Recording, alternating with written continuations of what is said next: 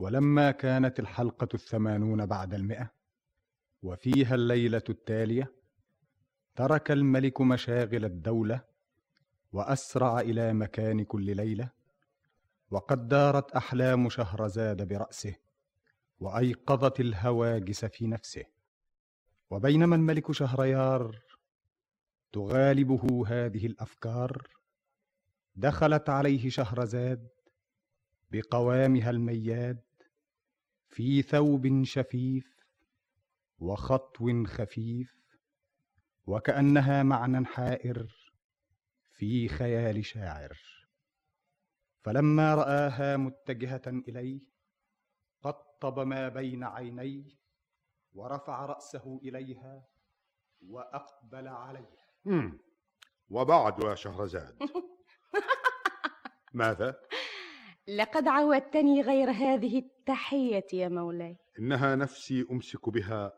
قبل أن يسرقها حديثك يا شهرزاد لا لا يا شهرزاد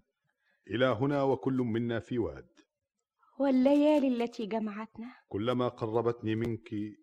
أحسست أنك تبتعدين عني وأنا بين يديك يا مولاه تأخذين بيدي وتوغلين بي في أودية الأحلام وتضربين بي في مجاهل الزمان ومتاهات الأيام وفي غيبوبة حديثك لا أعرف أين أنا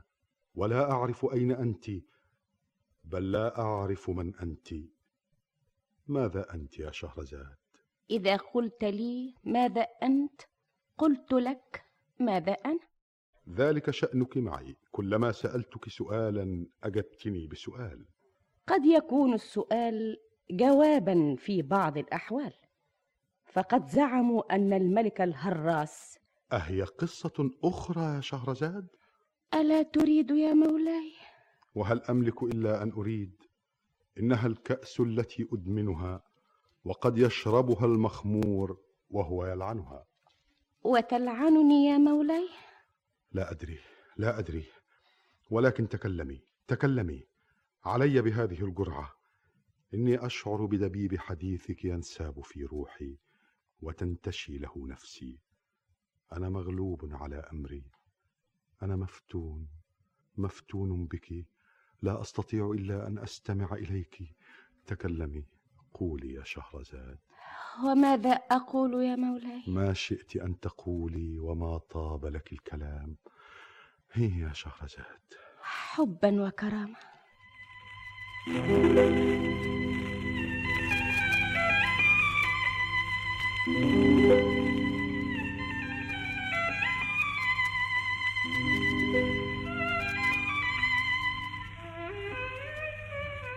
بلغني أيها الملك السعيد ذو الرأي الرشيد أنه كان في مدينة من مدن الصين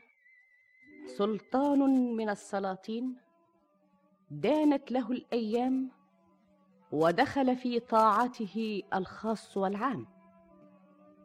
وكان لهذا السلطان عادة مرعية فهو يقف بنفسه على أحوال الرعية وكثيرا ما كان يتنكر ويصرف الاحراس والعسكر وينزل الى المدينه فيجوس خلالها ويعرف احوالها ويغشى الزحام ويسمع ما يدور من الكلام الناس عن الحكام ويس فربما سالهم عن السلطان وربما سالهم عن الاعوان وفي يوم من ذات الايام بعد ان انفض الديوان وانصرف الاعيان وتفرق الاعوان ضاق صدر السلطان فارسل الى الحاجب الكبير وامره ان يحضر اليه الوزير وانطلق عشره من الرجال فاحضروا الوزير في الحال فلما مثل بين يديه تقدم اليه واقبل عليه مولاي السلطان يا ملك الزمان لا تعال يا وزير خير يا مولاي خير دبرني يا وزير لله التدبير مش عارف انا زهقان ليه مولاي حاسس بايه زي الغريق نفسي فيه ضيق مش قادر اتنفس انت ما تعرفش تفكر مولانا يتنكر اتنكر أيوة يا مولانا تتنكر زي عادتك وتنزل تشوف مملكتك وتشوف أحوال العباد وأمور البلاد وتتفرج على المعركة الأزلية وأحوال الرعية عاوز اشوف حاجه ما شفتهاش او اسمع حاجه ما سمعتهاش إن ما كانش كده بلاش إحنا هنخسر إيه يا مولايا وانت تيجي معايا أمرك مجاب نتنكر في صوره اغراب ونخرج من الابواب لا حرس ولا حجاب ونتفرج على الرايح والجاي ونختلط بالناس يا مولاي اللي مطلوب واللي طالب واللي مغلوب واللي غالب وبين الليل والنهار عجايب انا موافق نتنكر في هيئة نخاسين من آخر بلاد الصين وننزل نشق المدينة ونسمع بودنا ونشوف بعينينا طب يلا بينا يلا بينا اوعى حد يشوفنا من معارفنا وحتى لو حد شافنا مش هيعرفنا لكن انت ما قلتليش ايه اسم مولانا ايه يعني لما اندهلك اقول لك ايه تقدر تقول لي يا هشمانة الله ايه ده شوف يا مولانا ايه ده يا وزير دول ناس كتير هم ملمومين على ايه مش مش فاهم انا الزحمه دي على ايه الله راجل اعمى قاعد جنب الحيط بيبكي والناس بتضحك عليه بيبكي ليه وهم بيضحكوا ليه تعال نشوف الحكاية ايه الحق عليا الحق عليا الراجل الضرير ده بيبكي ليه انت مش من هنا ولا ايه احنا تجار نخاسين وبقالنا تلات اشهر مسافرين منين من اخر بلاد الصين اه عشان كده بتسالني طب ما تجاوبني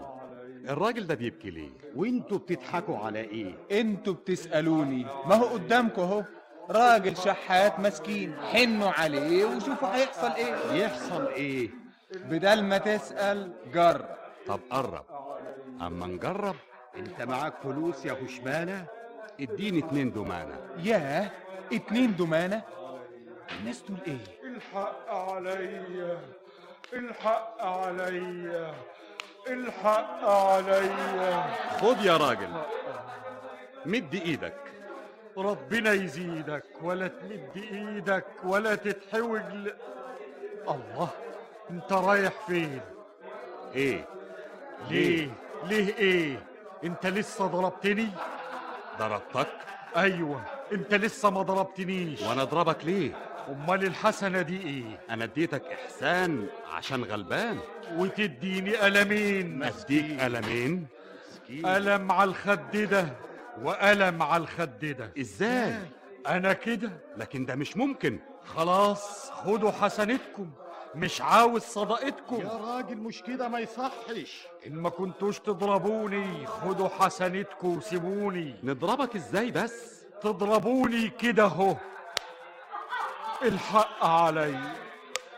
الحق علي الله الله الله الله الله الله انت يا راجل انت بتعمل كده ليه انت ايه وانتوا مالكوا ومالي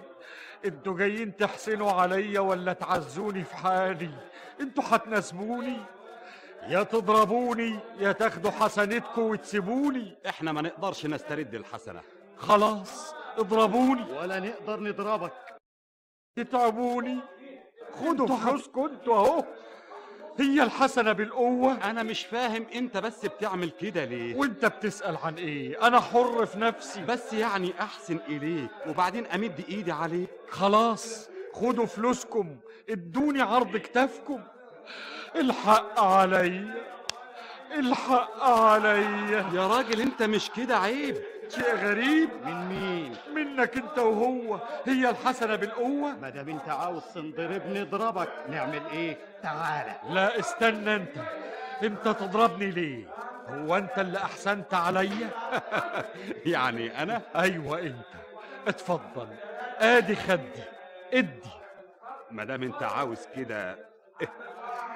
خد يا سيدي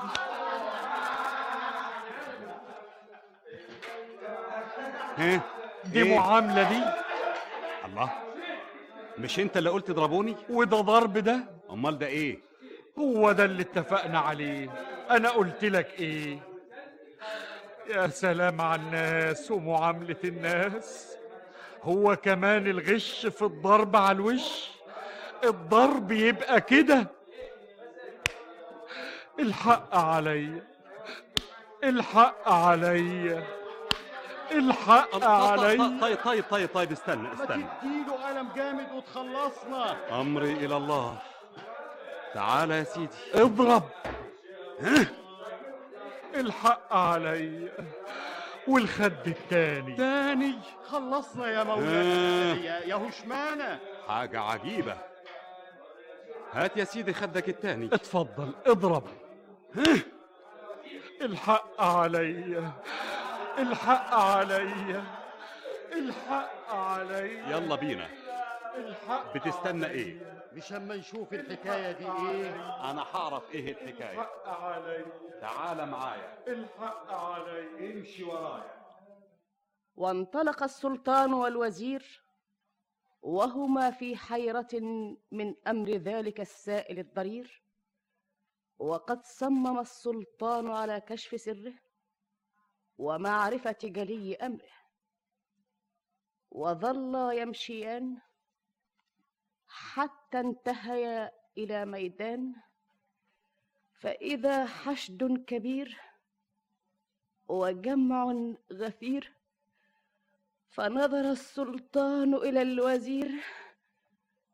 وفهم الوزير نظره السلطان وتقدما من ال مولاي وهنا أدرك شهرزاد الصباح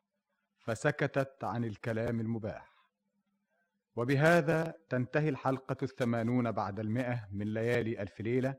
يكتبها طاهر أبو فاشا ويخرجها محمد محمود شعبان ولما كانت الحلقة الحادية والثمانون بعد المئة وفيها الليلة التالية اتخذ شهريار الملك مجلس الليلة الماضية وأقبلت شهرزاد في نفس الميعاد فتقدمت إليه وسلمت عليه وجعلت تقص عليه ما وقع وتصل من الحديث ما انقطع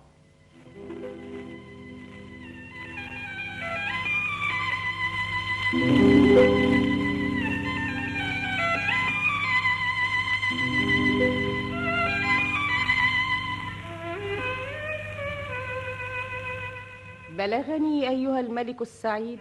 ذو الراي الرشيد ان السلطان والوزير تركا ذلك الجمع الغفير وقد اخذهما العجب من ذلك السائل الضرير الذي يمد الى الناس يديه ويقدم وجهه لمن يحسن اليه وجعلا يمشيان من مكان الى مكان وقد بلغ الفضول مبلغه من السلطان فاقبل على الوزير وهو يسير انت فهمت الراجل الضرير ده بيعمل كده ليه مش فاهم انا الراجل ده حكايته ايه راجل غلبان ما يقبلش الاحسان الا اذا كان ينضرب بالاقلام والناس اللي حواليه مش فاهم انا العالم ده ايه اظن مولانا السلطان دلوقتي ما عادش زهقان انا حيران في امر الراجل الغلبان لا ولما جينا نضربه بشويش غضب ولا رضيش نوري نوري نوري ده اعتبرنا بنغشه ما هو بيقول لك هو كمان الغش في الضرب على الوش انا لابد اعرف ال... الله ايه ده راغب دي برضك زحمه والناس لما هما ملمومين على ايه والله ما انا عارف بيتفرجوا على ايه تعالى يا مولانا برضه مولانا آه، قصدي هشمانه يلا يا هشمانه هو بيعمل في الفرس دي كده ليه يلا يا دايرة دوري في دايرة لا تعرفي أولها ولا تعرفي آخرها دوري دوري تسمح من فضلك بسؤال إيه؟ ايه الراجل ده بيعمل كده ليه بيعمل ايه إيه؟ ما انت شايف بيعمل في الفرس ايه امال انتوا ملمومين عليه ليه انتوا ما انتوش من هنا ولا ايه احنا اغراب مش من هنا عشان كده طب قول لنا والله يا ابني ما احنا عارفين الحكايه ايه الراجل ده كل يوم الصبح بدري نلاقيه جاي بالفرسه دي يجري ويفضل كده طول النهار يلف ويزعق عليها ويضرب اهو زي ما انت شايف كده شوف يلا يا دايرة دوري في دايرة لا تعرفي أولها ولا تعرفي آخرها دوري دوري دوري الشكل ده من اول النهار من اول النهار حاجه عجيبه لكن دي الفرسه تموت ولا بتموت ولا بيجرى لها حاجه وبقاله على كده كتير ست شهور ست شهور دي حاجه تحير وازاي ما تسالوش ما احنا ما بنطلهوش ده يجي الصبح يجري ويفضل طول النهار يضربها وزي ما انت شايف كده يعذبها ويلف بها ولما ينتهي النهار يروح راجع بيها زي السهم محدش يقدر يحوشه اللي يقف وشه يدوسه يا سلام اهو قدامك اهو تقدر تخش له اما يجي ناحيتنا هنزعل عليه اما يبقى يسمعك سلم لي عليه اسمع يا راجل انت انت يا راجل اسمع اسمع مش بقولك وبقاله ست اشهر كده كل طلعة نهار يجي جري بالمشوار ويفضل يلف في الدايرة ويزعق زي ما انتوا شايفين كده يلا يا دايرة دوري في دايرة لا تعرفي أولها ولا تعرفي آخرها دوري دوري اهي الا اعجب دوري البطلوه ده واسمعوه يلا يا دايرة بره الدايرة الله الله الله الله حاسب اوعى من وشه يلا يا دايرة بره الدايرة هو خلاص ما احنا بقينا اخر النهار اذا حبيتوا تتفرجوا عليه تيجوا بكرة من نجمة تلاقوه اللي يعيش يا ما يشوف اللي يمشي يشوف اكتر لكن دي حاجه تحير يلا بينا يا- يا هشمانه انت شايف القصر اللي على القنطره ده ياه حته دين قصر بتاع مين والله يا مولانا ما اعرف بتاع مين انا انا اصلي ما شفتوش الا النهارده عجيبه ازاي الكلام ده قصر زي ده ما تعرفش قصر مين وانا اعرف منين امال انت وزير ازاي انا يا مولاي شوف الراجل اللي واقف على القنطره ده ده بيشاور لنا تعال معايا امرك يا مولاي انا لابد اعرف القصر ده ايه ده اكبر من قصري انا لابد اعرف صاحبه مين اهلا اهلا وسهلا اهلا بصحبه ساعه وفراق كل ساعه الراجل ده بيقول ايه استنى اما نسلم عليه السلام, عليكم. عليكم عليكم السلام النهارده اتفضلوا انتم ضيوفي احنا متشكرين بس سؤال احنا فيه متحيرين بعدين السؤال بعدين اتفضلوا القصر ده بتاع مين بتاعي بتاعك اه انت مين انتوا انتوا اللي مين احنا تجار نخاسين منين اخر بلاد الصين قول لنا بقى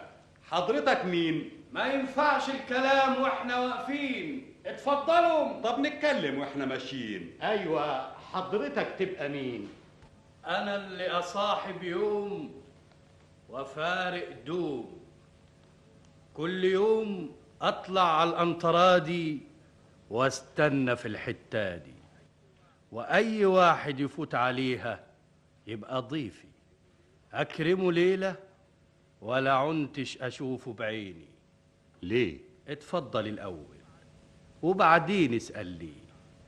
تعال يا ما شاء الله كان ايه إيه؟ شوف يا مو... يا هشمانه الحيطان ده ولا قصر السلطان القصر واللي فيه على حبال ايديكم اتفضلوا هنا ايه ده كله المائدة اتفضلوا واجب الضيف على المضيف بس ما تعملوش تكليف اتفضل جابر وخليك كريم أنا خلاص اكتفيت إزاي؟ ما تعزمش عليا الأكل كتير وخير ربنا كتير أنا الحمد لله وأنا الحمد لله يا اخوانا مش كده يا اخوانا إحنا حد حيشنا الأكل كتير قدامنا أنا عاوزكم تكرموني أنت أكرمتنا وإحنا قبلنا الإكرام والوقت جه دور الكلام كلام من غير مدام يا غلام مولاي هات الشراب وصف الأكواب قدام سيادك الأغراب تعرف إنك كريم وذوق كمان تعرف إنه لطيف يا هشام المهم إحنا عاوزين نعرف القصر ده إيه ماله ده ولا قصر السلطان ودي فيها إيه مفيش آه بس ناس غرب زينا انتوا بتستكتروه عليا ولا بتستكتروه على ربنا اتفضل شوف لون الشراب لونه ايه طب سيبنا من القصر أنت حكايتك إيه وكنت واقف على القنطرة ليه انا واحد من عباد الله كل يوم العصر اخرج من القصر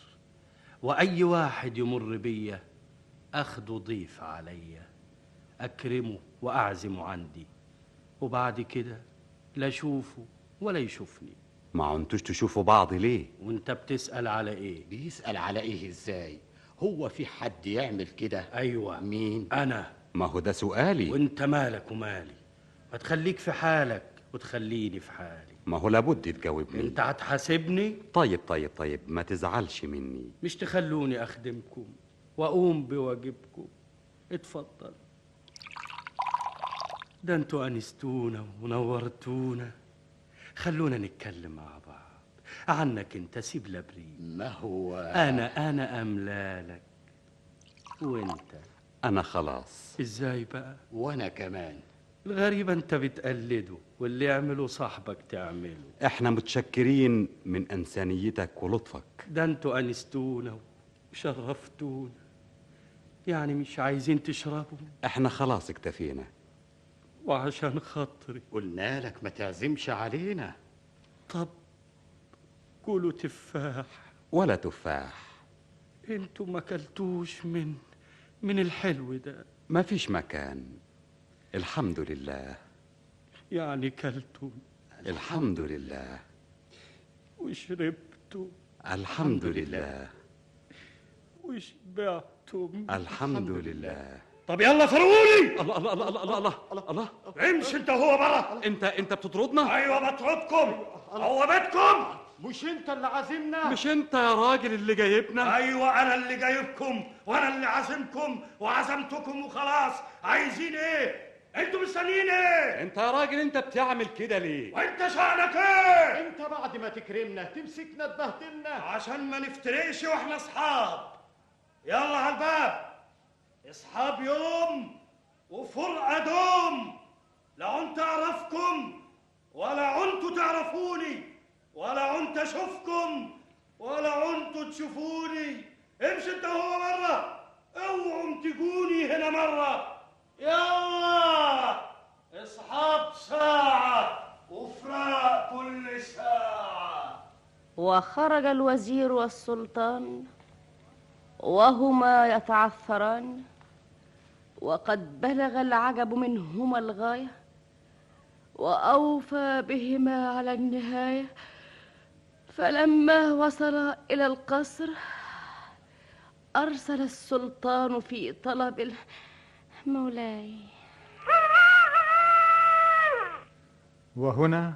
أدرك شهرزاد الصباح فسكتت عن الكلام المباح وبهذا تنتهي الحلقة الحادية والثمانون بعد المئة من ليالي ألف ليلة يكتبها طاهر أبو فاشا ويخرجها محمد محمود شعبان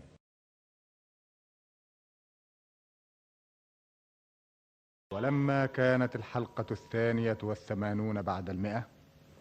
وفيها الليلة التالية اتخذ شهريار الملك مجلس الليلة الماضية وإن هي إلا لحظة أو تكاد حتى أقبلت شهرزاد فسلمت أجمل سلام وجعلت تستأنف الكلام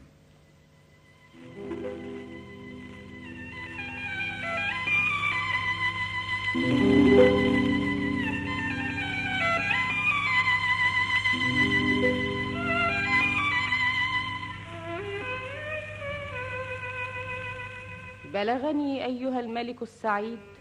ذو الراي الرشيد ان السلطان بات ليلته حيران حتى همه الامر وادناه ولم تكتحل بالنوم عيناه وهو يلتمس تفسيرا لما راه ما معنى هذا كله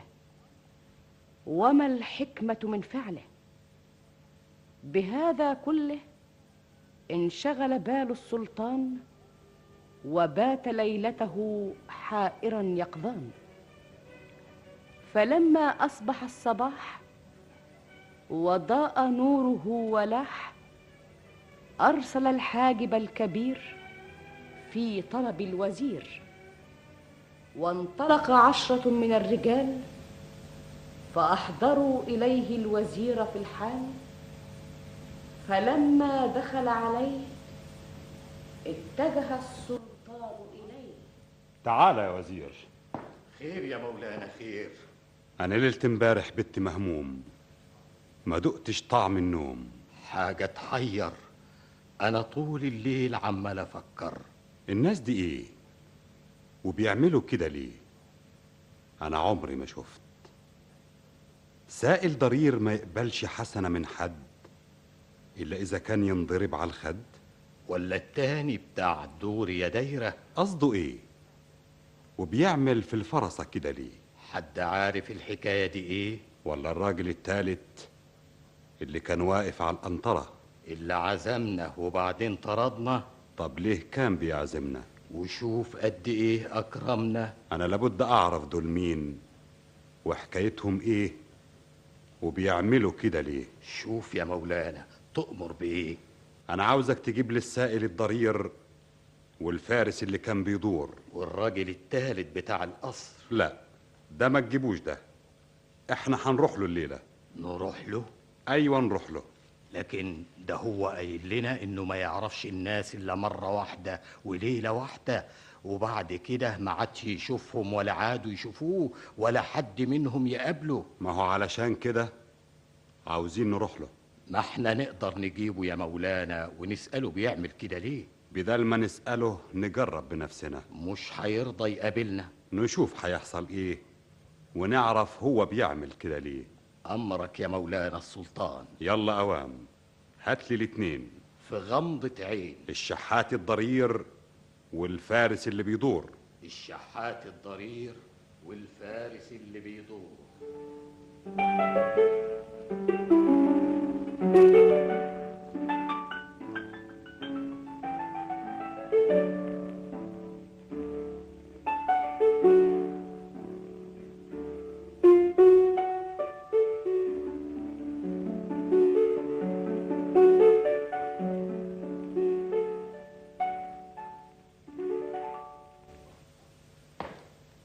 مولاي السلطان فين السائل الضرير والفارس اللي بيدور موجودين الاتنين الاتنين دخلوهم أوام السائل الضرير والفارس اللي بيدور احنا ما عملناش حاجة انا والله ما عملت حاجة تعالوا هنا انا والله يا حاجب خد ايده آه. آه. هاتوا هنا انا يا مولاي السلطان سائل ضرير غلبان لا برجلي ولا بيدي وباخد الحسنة بالقلم على خدي ما هو ده اللي أنا عاوز أعرفه مش فاهم أنت إزاي تمد للناس يدك ولما يحسنوا إليك تقدم لهم خدك واللي أعجب وأغرب لما واحد ما يجيلوش قلب يضرب ترميله حسنته وتأذيه وتطول لسانك عليه مولاي السلطان اتكلم اديني محرمة الأمان اتكلم عليك الأمان أنا يا مولاي مش خدي يبقى ملكي يعني إيه؟ يعني شيء أملكه أنا حر فيه مش فاهم انت عايز تقول ايه عاوز اقول واحد شايل دقنه والتاني تعبان ليه لكن هو في حد يعمل كده أيوه، ايوه في مين انا شيء عجيب ما انا عارف انك بتعمل كده امال انا بسالك عن ايه وجايبك هنا ليه انت يا مولاي مأمني كلمني اقول لك ايه بتعمل كده ليه ضروري يعني بقول لك كلمني انت حكايتك ايه انا حكايتي الطمع اللي قل ما جمع ازاي شوف يا مولاي ايوه ابن ادم من تراب ما يملاش عينه الا التراب امم انا في الاصل من مدينه ازدشير والدي عليه الرحمه كان تاجر كبير امم ولا كانش ليا اخوات فلما والدي مات فات لي تجاره كبيره واموال كتيره وعبيد وخدم ومماليك وحشم امم وربنا فتح عليا والاموال بقت نهر بين ايديا امم وزي ما يكون ربنا أراد يمتحني قلت في نفسي أزدشير ما عادتش تسعني رحت بايع اللي قدامي واللي ورايا وجبت جمال وخيول ومطايا واشتريت تجارة وقمت على مدينة شنجارة ها وفضلنا ماشيين مسافة يومين لما حصلنا واحة قلنا نعمل راحة ونحط الرحال ونسقي الجمال ها ورحت أنا تحت خميلة وخدت لي تعسيلة معرفش نمت قد إيه لكن فتحت عينيا لقيت راجل درويش قدامي الله انت انت مين وجيت منين قبل السؤال والكلام فيه تحية وسلام عليكم السلام بس آه، احنا في حتة مقطوعة وانت لا معاك ناس ولا معاك ركوبة تبقى وصلت هنا ازاي أهو ده السؤال وباين عليا هيئة المسافرين ابدا لا عليك غبار السفر ولا معاك رجايب ولا معاك نفر تبقى جيت ازاي أيوة صحيح أنا جيت هنا إزاي انت بتسألني أمال أسأل مين يا ابني انت هتجنني حلمك عليا يا ابني مادام ما انتش عايز تجاوبني اذا كنت انت ما تعرفش ايه اللي جابك هنا منين اعرف انا مش ضروري تعرف المهم اني وصلت وصلت فين لكن ازاي وصلت هي دي اللي معرفهاش انت بتقول ايه لكن من حق هشيل الحاجة على ايه حاجة ايه انت ما بتردش عليا ليه الكنز يا ابني كنز ايه هنقله ازاي اللي هو ايه مفيش معايا جمال جمال ايه لو كان معايا جمال كنا نقلنا الاموال انا ما عمتش اقدر انت لابد تقول لي ايه الحكايه فهمني طب بس سيبني قول لي اسألني انت عاوز الجمال ليه عشان نشيل الاموال الذهب الذهب للي نواب وفين هو الذهب تحت بطن الجبل وديني بالعجل والجمال عندك 80 جمل واللي يفصل بينا العهد اللي يجمعنا وتحلف لي يمين احلف لك يمين عندك كام جمل 80 تاخد أربعين وتدينا أربعين هاخد 40 واديك 40 يلا قوم على فين نروح الجبل ونفتح الكنز بالعجل كل شيء بأجل واللي مكتوب لك لابد يحصل لك واحنا بنستنى ايه بنستنى الدليل وفين هو الدليل الدليل ما يجيش غير بالليل انا مش فاهم من اللي بتقوله ولا كلمه أصل الدليل نجمة نجمه أيوة لما يطلع النجم الأكبر الكنز يظهر ازاي انت هتشوف الشيء قبل زمانه استنى اما يجي اوانه انت مستعجل على رزقك ليه يعني هنستنى اما يخش علينا الليل احنا اول متفقين بعهد الله واليمين هما كام جمل 80 انا كام 40 وانت كام 40 بعهد الله واليمين بعهد الله واليمين خلاص ميعادنا بالليل ميعادنا بالليل الله عم الدرويش راح فين اختفى توي بكلمه ازاي راح الدرويش الدرويش الدرويش مالك يا سيدي الدرويش الدرويش إيه؟ ايه توي كنت بكلمه ابدا يا سيدي احنا قاعدين بعيد وشايفينك نايم لوحدك نايم انا كنت نايم ايوه يا سيدي لابد كنت بتحلم كل ده في حلم احنا قاعدين قدامك هناك ما شفناش حد معاك ابقى ضروري كنت بحلم خير يا مولاي خير اللهم اجعله خير اللهم اجعله خير واعتقد صاحبنا انه كان في منام وانها اضغاث احلام حتى اذا انهزم النهار وولى الادبار واقبلت جيوش الظلام ونصب الليل الخيام وهجع كل حي ونام واوى الفتى الى مرقده ولم يدر كم من الوقت مضى وهو في مضجعه ولكن صوتا يعرفه صافح اذنيه ففتح الفتى عينيه فاذا الدر مولاي وهنا أدرك شهرزاد الصباح فسكتت عن الكلام المباح وبهذا تنتهي الحلقة الثانية والثمانون بعد المئة من ليالي ألف ليلة يكتبها طاهر أبو فاشا ويخرجها محمد محمود شعبان ولما كانت الحلقة الثالثة والثمانون بعد المئة وفيها الليلة التالية اتخذ شهريار الملك مجلس الليله الماضيه واقبلت شهرزاد في نفس الميعاد فقام الملك اليها واخذ بيديها واجلسها في اعز مكان وراحت تروي له ما جرى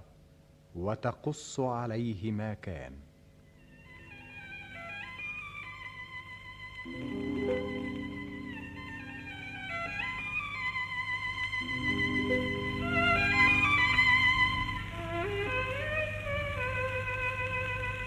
بلغني ايها الملك السعيد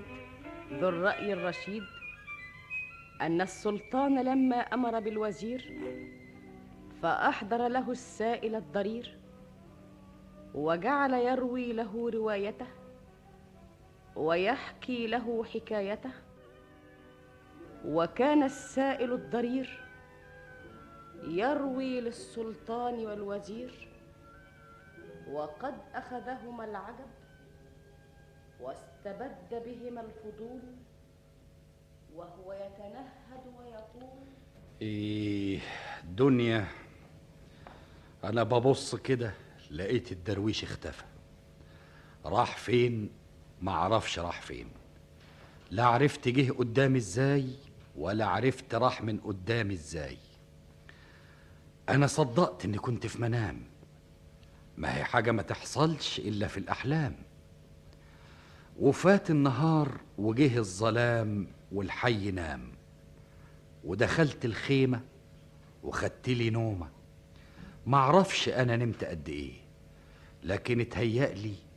إني سمعت صوت الله الصوت ده إيه؟ الصوت ده أنا أعرفه وبفتح عينيا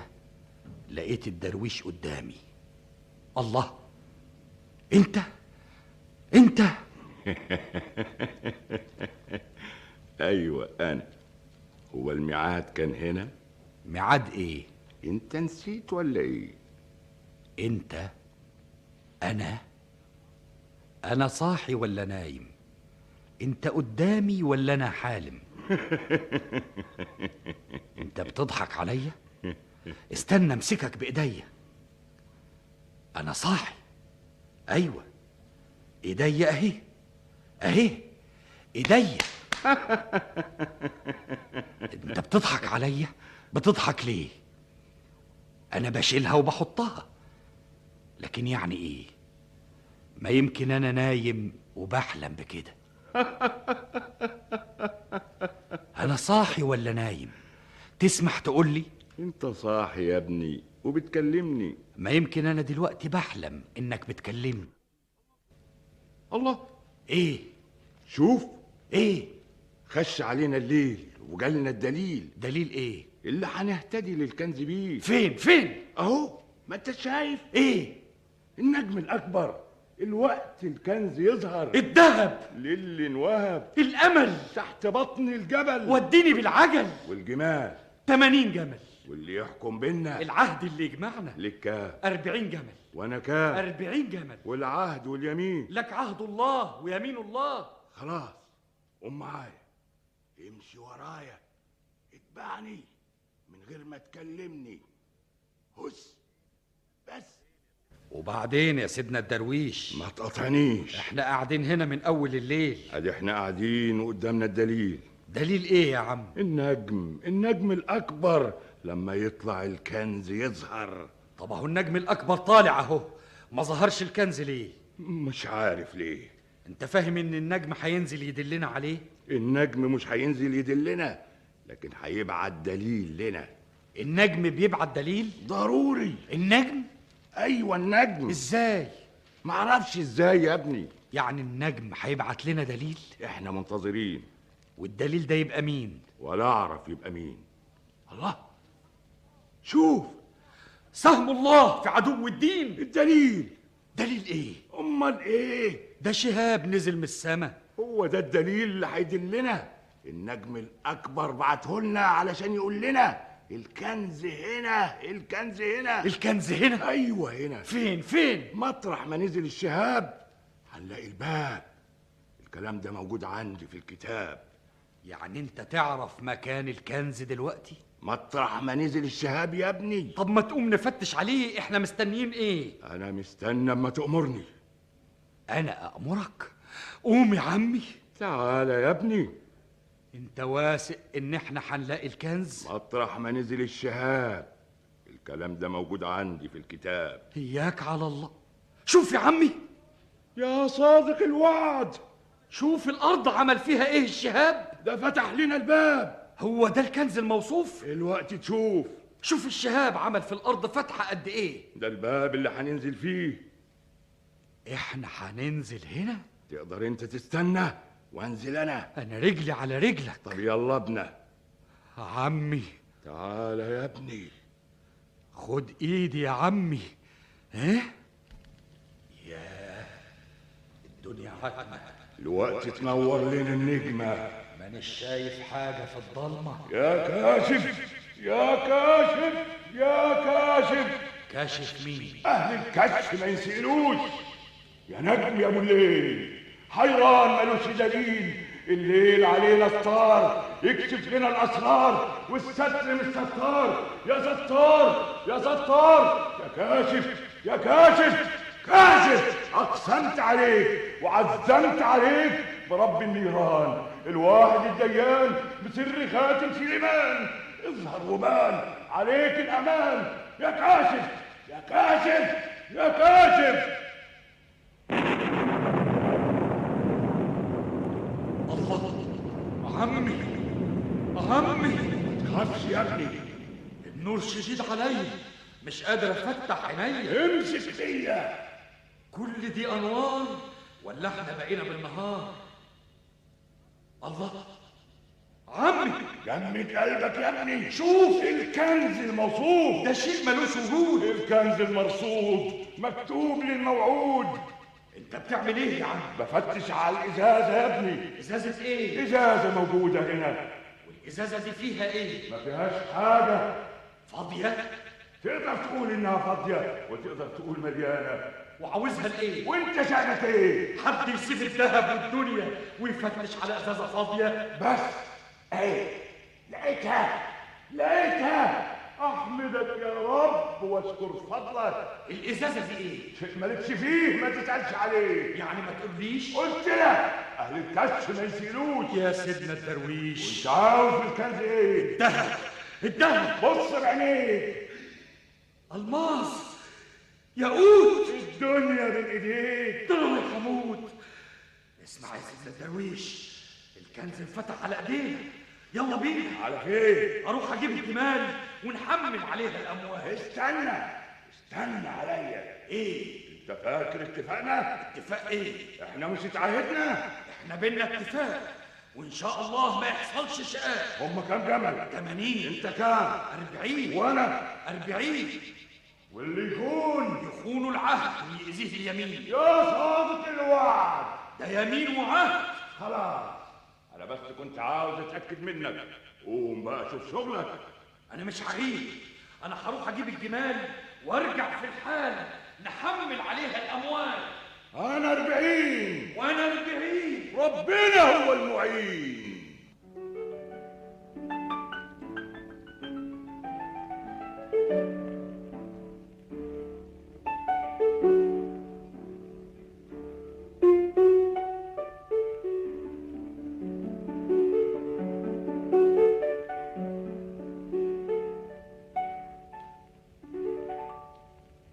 ياه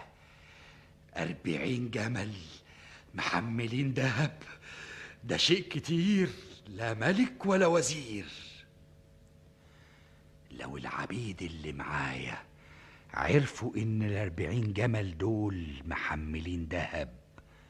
هيقتلوني يمضوا عليا وياخدوا الدهب من إيديا أنا واحد وهم عشرين يقتلوني وياخدوا كل واحد جملين لكن ده بعدهم وبعد روحي مفيش روح فين ورقة السم اهي سم سم احط لهم السم في الطعام واتخلص منهم اوام اقتلهم قبل ما يقتلوني واكلهم قبل ما ياكلوني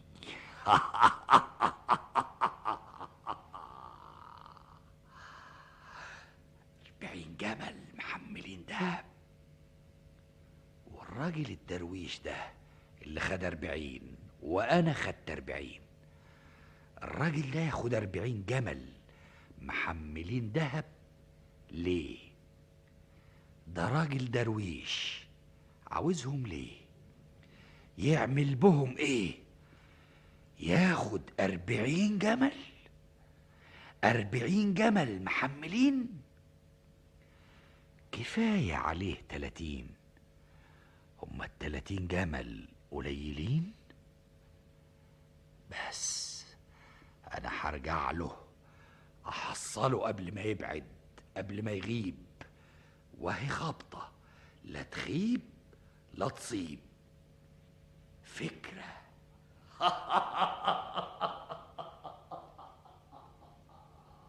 وقهرته نفسه وغلبه نحسه فدس السم لرجاله ثم نسي العهد واليمين وساق الجمال الأربعين وقفل راجعا إلى الدرويش وكأنه السهم المريش وقد تملكه الجشع وأعماه الطمع وظل يسير ويجد في المسير حتى أدرك الدرويش والجمال وانفرد به تحت الرمال وأقبل عليه وقال مولاي وهنا أدرك شهرزاد الصباح فسكتت عن الكلام المباح وبهذا تنتهي الحلقة الثالثة والثمانون بعد المئة من ليالي ألف ليلة يكتبها طاهر أبو فاشا ويخرجها محمد محمود شعبان ولما كانت الحلقة الرابعة والثمانون بعد المئة وفيها الليلة التالية اتخذ شهريار الملك مجلس الليله الماضيه واقبلت شهرزاد في نفس الميعاد تسبقها رائحه عطورها ووسوسه حليها فلما دخلت عليه تقدمت اليه وبصوت كانه عصير الاحلام جعلت تستأنف الكلام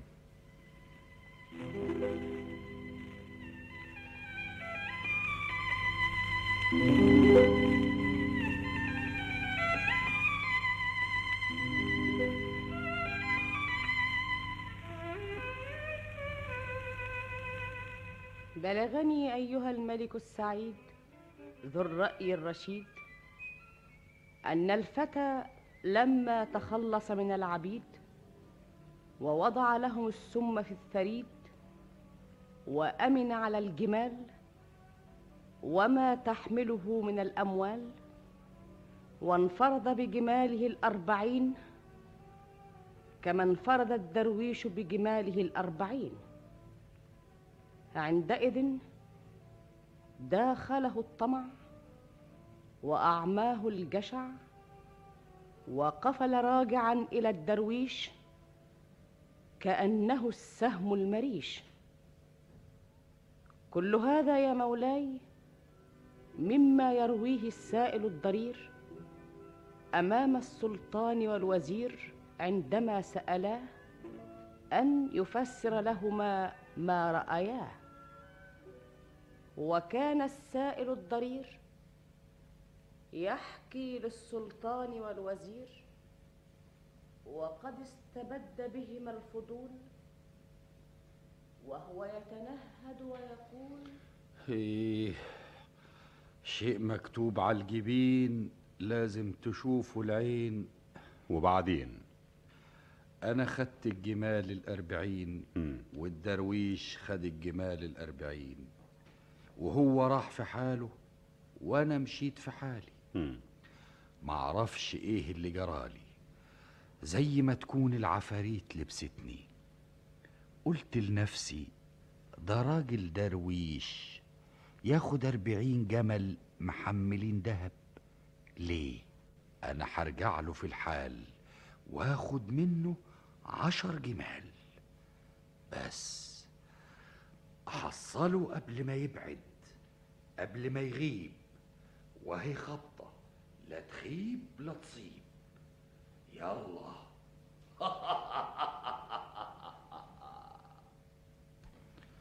انت يا عم يا درويش يا سيدنا الدرويش مين مين ما تأخذنيش انت ايوه انا يا خسارة يا ابني يا خسارة احنا قسمنا الكنز اللي بينا انت غلبتك الأمارة انا عاوز اخد عشر جمال واسيب لك تلاتين تاخد عشر جمال وتسيب لي التلاتين هما التلاتين قليلين لا يا ابني مش قليلين بس لما يبقوا التلاتين كتار يبقوا الخمسين أكتر انت هتقعد تسرسر اقل اكتر هاخد عشر جمال يعني هاخد عشر جمال وانت واحد وانا واحد تعال نازلني وليه يا ابني ليه لزومه ايه اتفضل خد لك عشر جمال وسيب التلاتين انت هتعمل ايه بتلاتين جمل محملين وانت هتعمل ايه بخمسين جمل محملي لكن انت درويش وهو عشان ما انا درويش تقوم انت ما تختشيش ما تفلقنيش انت تديني كمان عشرة يبقوا عشرين واسيب لك عشرين هم عشرين جمل قليلين لا يا ابني مش قليلين اتفضل خد لك عشرين جمل وسيب عشرين متشكرين انا هروح افك الجمال واخد عشرين وتسيب عشرين واسيب عشرين ايه ربنا هو المعين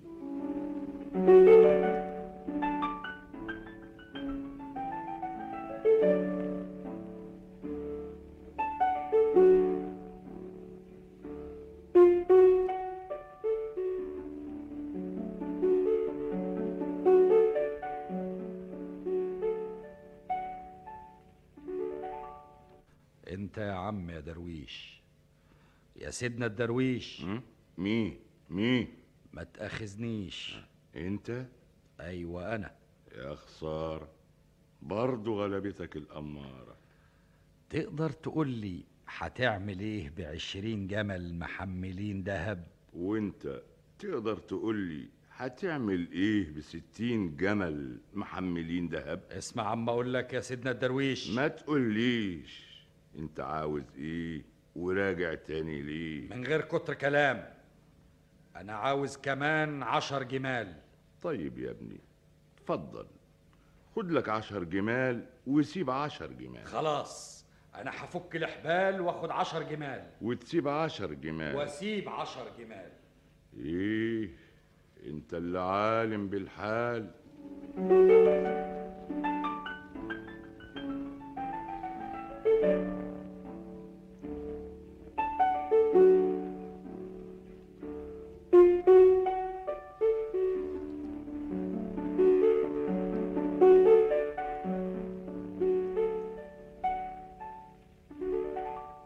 يا سيدنا الدرويش تاني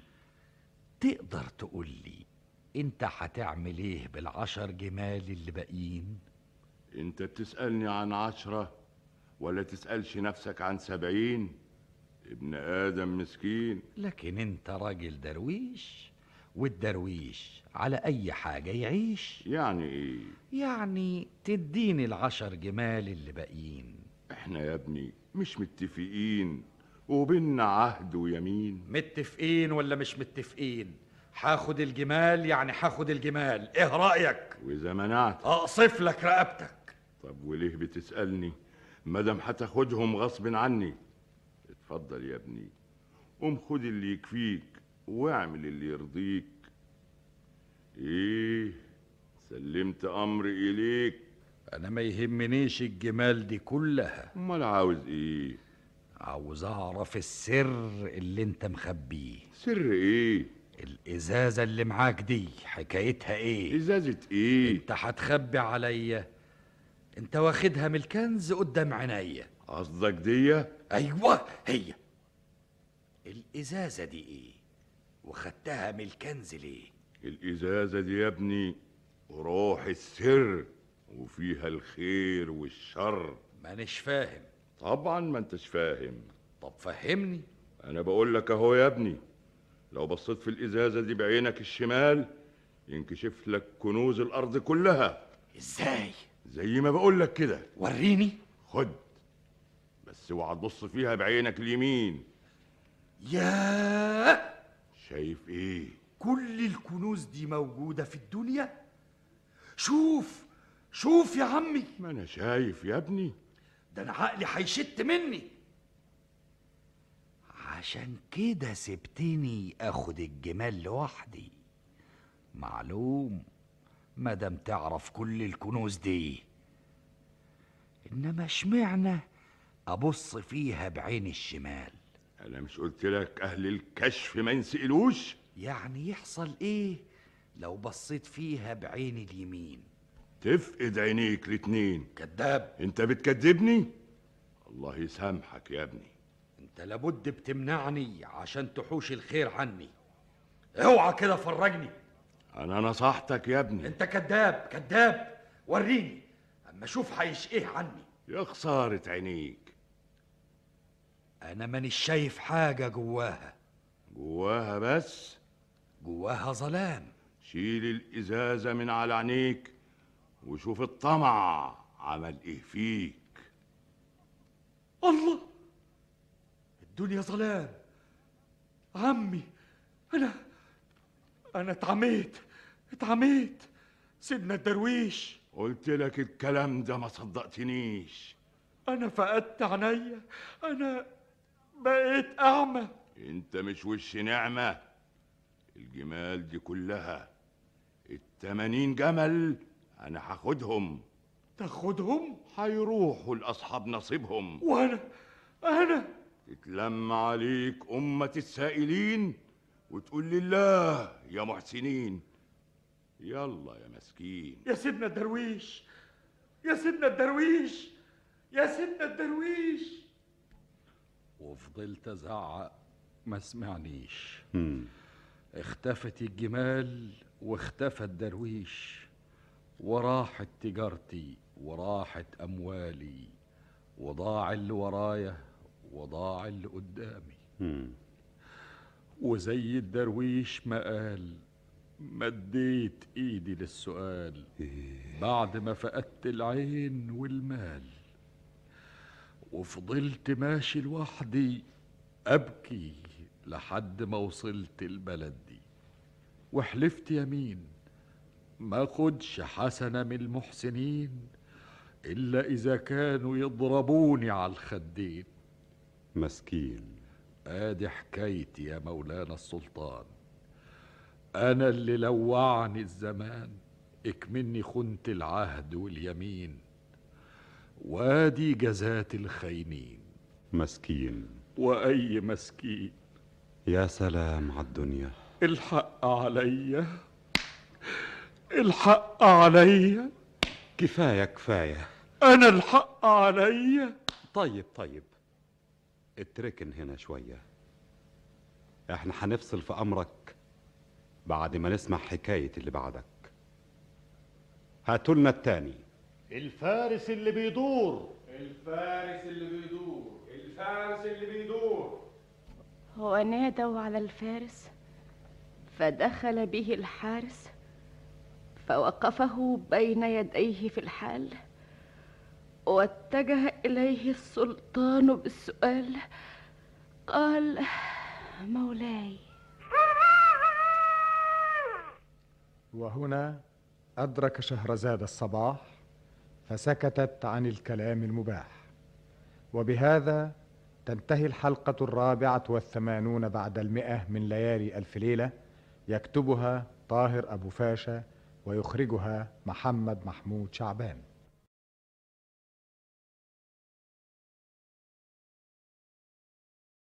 ولما كانت الحلقة الخامسة والثمانون بعد المئة وفيها الليلة التالية اتخذ شهريار الملك مجلس الليلة الماضية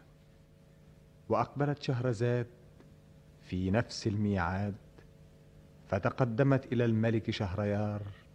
فراشة تحوم على النار وجعلت تطرق قلبه المنهوم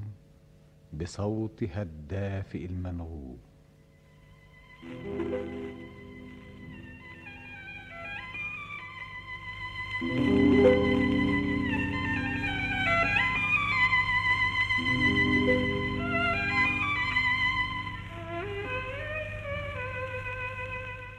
بلغني ايها الملك السعيد ذو الراي الرشيد ان السلطان والوزير لما سمعا قصه السائل الضرير وكيف اعماه الجشع ورماه الطمع فطمع في كل شيء وفقد كل شيء فضاعت امواله وساءت حاله وفقد ناظريه ومد للسؤال يديه ولاكف الناس خديه عندئذ اطرق السلطان فتره من الزمان وقد غلبه التاثر ثم رفع راسه وامر السائل الضرير ان يتاخر وطلب صاحب الفرس فادخله عليه الحرس فلما سار الفارس بين يديه اقبل السلطان عليه ووجه الكلام اليه تعال يا راجل مولاي السلطان تقدم تعال هنا ايه حكايتك انت الاخر انا انا يا مولانا السلطان ما عملتش حاجه والله اكتر من اعمالك اللي عملتها ايه هي الاعمال اللي عملتها الفرصة اللي عذبتها الفرسه اللي عذبتها انت بتعمل فيها كده ليه حكايتك انت الاخر ايه مش فاهم كان يبقى مفهوم لو كنت رايح مشوار لكن انت بتلف في دايره طول النهار وتفضل تلف بيها وتدور وبقالك على الحكايه دي ست شهور قصدك ايه وبتعمل كده ليه اه من الفرسه دي انا ما حكيتش لحد على اللي حصل لي لكن هحكي لك دلوقتي واشرح لك حكايتي اه انا يا مولاي السلطان اسمي الشاطر نعمان ومنين يا نعمان احنا في الاصل من جزيرة المرجان آه. وابويا كان عين من الاعيان وكان لنا قصر كبير وكان عندنا خدم وعبيد كتير مم. وكانت الدنيا بتضحك لنا والخير كتير عندنا لحد ما وصلت لسن الشباب وانا حياتي لهو وشراب وخروج للصيد مع الاصحاب ها وفي يوم من الايام ابويا بعت لي خدام يندهلي عشان عاوزني في كلام كلام ايه ابويا عاوزني ليه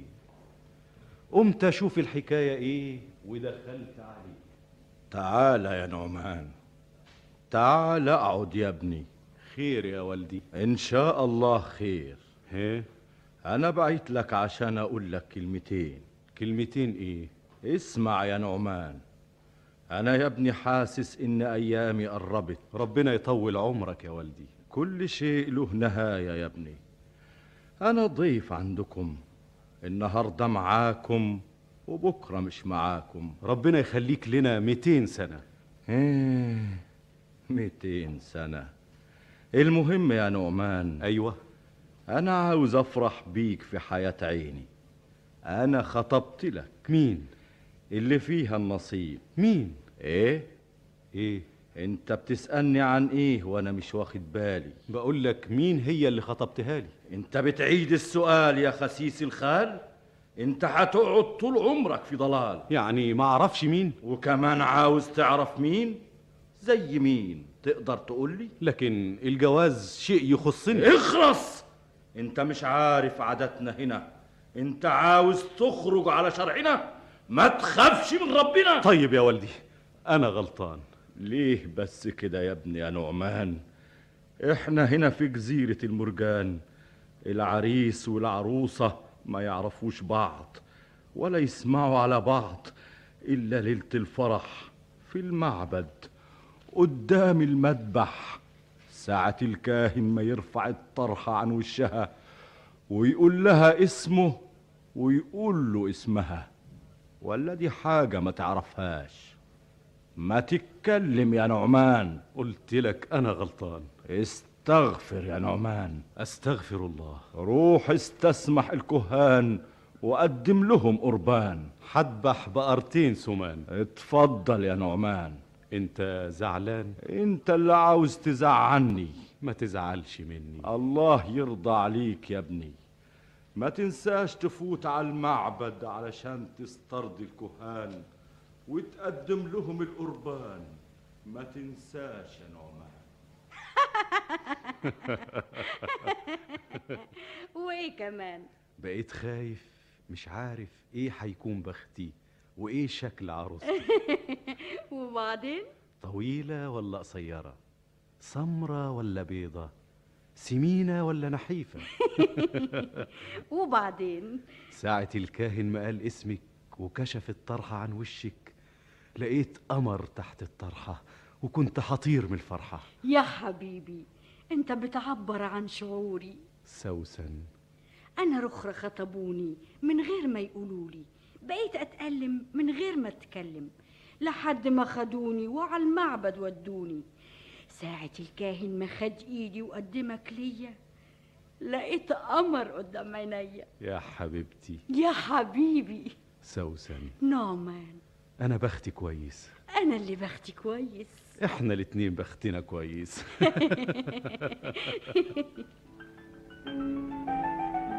إيه،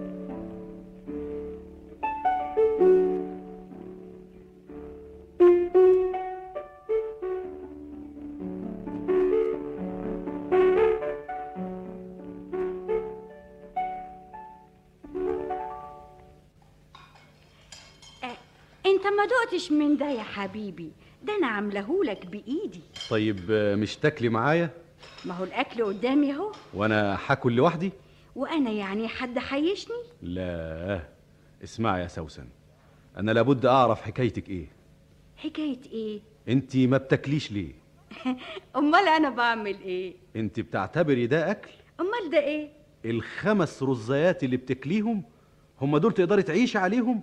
لو كانت الحكاية يوم ولا اتنين لكن ده انت بقالك معايا شهرين مش باكل على قد نفسي على قد نفسك يوم ولا اتنين لكن بالشكل ده كل يوم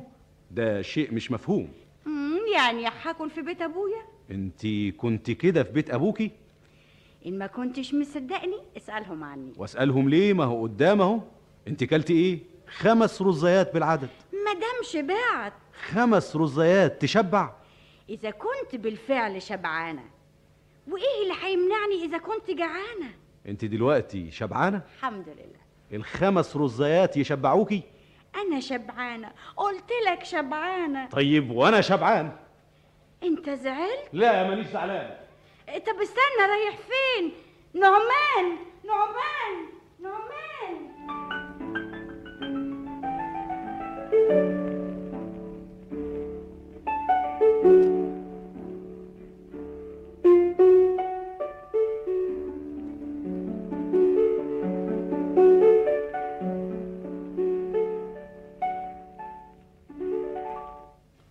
احنا النهارده عندنا ضيوف مين زمانهم داخلين يا نعمان ده والدك جانا هيتغدى معانا اتفضل يا والدي اهلا وسهلا ازيك يا عمي ازيك يا سوسن ازيك يا نعمان ازيكوا دلوقتي انت جاي على الغدا ظبط تعال هنا يا والدي اتفضل يا عمي مدي ايدك يا والدي اتفضلوا بسم الله الرحمن الرحيم ودي الطبق ده عند عمي عاشت ايدك يا بنتي الله انت ما بتاكليش ليه الحمد لله الحمد لله ايه انا كنت عاوزك تيجي عشان الحكايه دي يا والدي حكايه ايه لا سمح الله يا ابني تصدق ان الخمس رزيات اللي كلتهم يشبعوا ادمي يمكن يا ابني شبعانه ولا مش لاقيه لها نفس شبعانه ولا نفسها مسدوده يوم ولا يومين مش شهرين انا من يوم ما اتجوزتها وهي بالشكل ده ما تاكلش غير خمس رزيات خمسه بالعدد ازاي الكلام ده يا بنتي الاكل قدامي هو حد يعني. منعني لكن خمس رزيات يعيش عليهم ادمي يعني هكون جعانه واحوش نفسي مش فاهمه هو مهتم بالمساله دي ليه وزعلان من ايه بدي افهم كانت كده في بيت ابوها قلت لك ان ما كنتش مصدقني خلي والدك يسالهم عني انا كده دي فيها ايه وتزعلك ليه لا يا بنتي تعودي الاكل زينا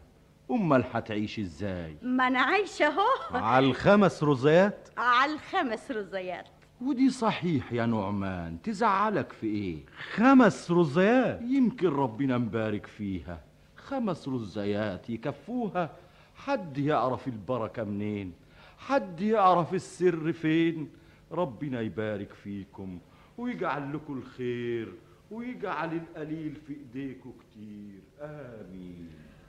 آه ولكن نعمان لم يقتنع بهذا الكلام وبات ليلته حيران لم يذق طعم المنام وبينما هو نائم احس بها تنهض من فراشها فتسلل وراءها وتتبع خطاها فرآها مولاي وهنا أدرك شهرزاد الصباح فسكتت عن الكلام المباح وبهذا تنتهي الحلقة الخامسة والثمانون بعد المئة من ليالي ألف ليلة يكتبها طاهر أبو فاشا ويخرجها محمد محمود شعبان ولما كانت الحلقة السادسة والثمانون بعد المئة وفيها الليلة التالية اتخذ شهريار الملك مجلس الليلة الماضية وأقبلت شهرزاد في نفس الميعاد فسلمت أجمل سلام وجعلت تستأنف الكلام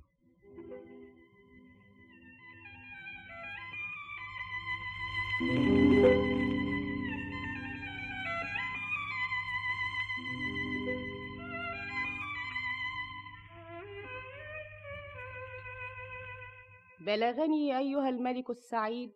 ذو الرأي الرشيد أن نعمان فرح بزوجه وفرحت به زوجه ومال اليه قلبها ومال اليها قلبه وعاشا سعيدين قرابه شهرين ولم يكن يعكر هناءته ويرنق سعادته ويشوب حلاوه هذه الايام غير عزوف زوجته عن الطعام فهي تعيش ولا تقتات وتكتفي من الارز بخمس حبات فذلك كل طعامها في سحابه يومها كل هذا يا مولاي مما يرويه الفتى نعمان للوزير والسلطان عندما احضراه وطلب اليه تفسير ما راياه فجعل يحكي حكايته ويروي روايته والجميع يصغون اليه في ذهول وهو يقول حد في الدنيا يعيش على خمس حبات رز ويعيش كده على طول طبعا شيء مش معقول ازاي سوسن تعيش على خمس حبات رز وفي يوم من ذات الايام واحنا نايمين والدنيا ظلام وانا نايم جنبها حسيت بها قايمه تتسحب على ضوافرها استغربت ايه اللي قومها وبتتسحب كده ليه الله دي فتحت الباب رايحه فين انا لابد اشوف ايه الحكايه اما اخد العبايه اخد العبايه على كتافي واتسحب وراها وانا حافي فتحت باب الشارع ياه ده القمر طالع فين الله دي رايحه ناحيه الجبانه حودت على الجبانه الجبانه ليه هتعمل في الجبانه ايه يه، دي بتمشي في وسط القبور واقفه تلف وتدور دي بتنادي اما استخبى ورا التربه دي درغام درغام درغام مين اللي بتندهله درغام درغام درغام الله الله ده غول غول غول درغام دي رايحه له سوسن يا حبيبي درغام سوسن شعرك اللي على رقبتك مزود هبتك وعينيك المشقوقة مالها تخوف بلد بحالها وضوافرك يا حبيبي ونيابك اللي زي السكاكين لو ما كنتيش تعرفي تتكلمي كويس ده مش انا يا درغام ده جمالك اللي علمني الكلام وصومني عن الطعام انتي كلتي ايه النهارده هاكل ايه هما هما الخمس رزاق ده انا عايش لك النهارده واحد من الاموال انما ما يزيدش عن عشر سنوات لسه مدفون ما بقالوش ثلاث ساعات يعني لسه طازة المهم انه اوزي صحيح عودي حق لو شافنا جوزي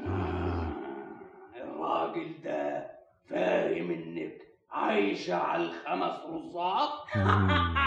مش فاهم اني عايشة على الأموال ازاي خلي الخبر في بير صحيح المغفلين في الدنيا كتير درغام أنا جعانة طب تعالي احفري وياي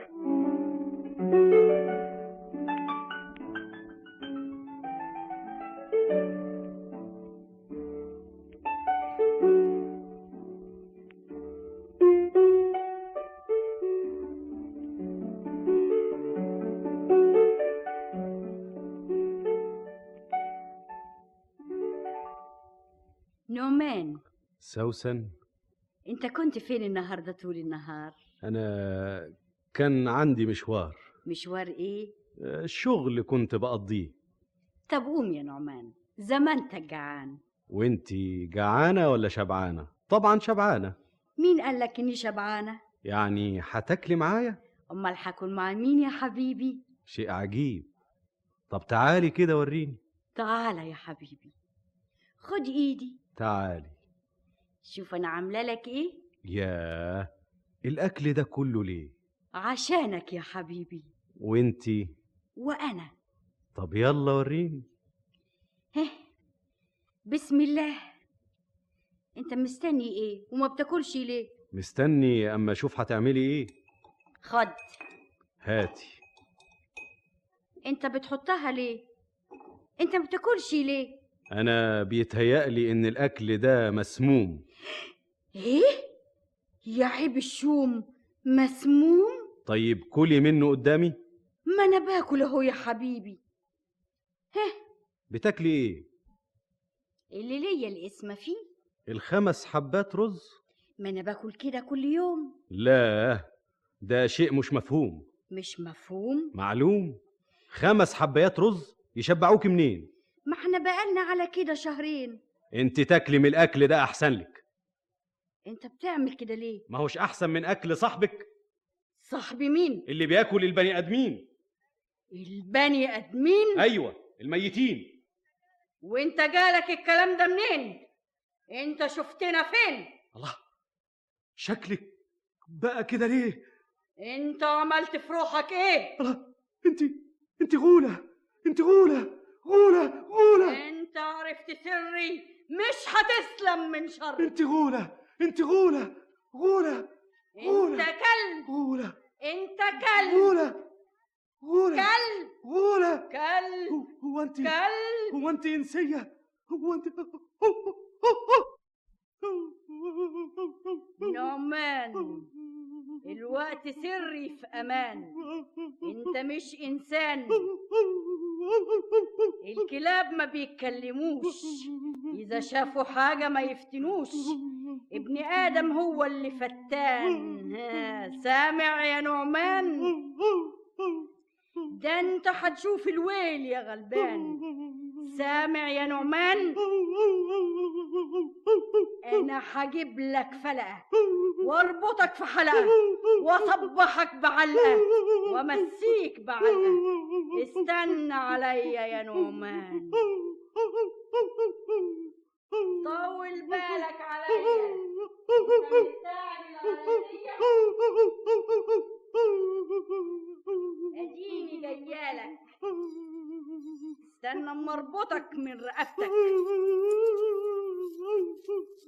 استنى اما اربطك كويس اوعى تتنفس تعال معايا يا نعمان اما اربطك في اللوان واوريك العذاب الوان نعمان ده انت هتشوف الويل نعمان تعرف تخرج ورايا بالليل ها؟ تعرف تتجسس عليا ها؟ نعمان تعرف تعمل نفسك نعسان ها؟ خد خد خد خد مين هو مفيش رحمة ده حرام حرام ده حيوان أخرس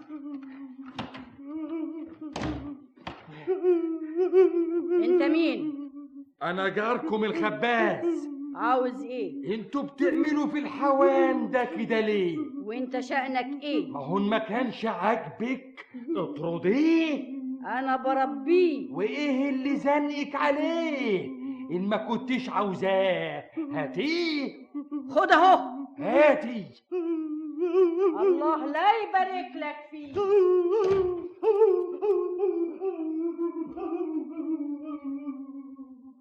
واخذه الخباز منها وانقذه من يديها وربطه من رقبته ليحرس له المخبز في غيبته وابدى نعمان من الفهم والدرايه ما جعله موطن العطف والرعايه واحبه الخباز كل الحب وعاش عنده في صوره كلب الى ان كان يوم من ذات الايام وبينما ال- مولاي وهنا أدرك شهرزاد الصباح فسكتت عن الكلام المباح وبهذا تنتهي الحلقة السادسة والثمانون بعد المئة من ليالي ألف ليلة يكتبها طاهر أبو فاشا ويخرجها محمد محمود شعبان ولما كانت الحلقة السابعة والثمانون بعد المئة وفيها الليلة التالية اتخذ شهريار الملك مجلس الليلة الماضية وأقبلت شهرزاد في نفس الميعاد فسلمت عليه وجلست إليه وجعلت تقص عليه ما وقع وتصل من الحديث ما انقطع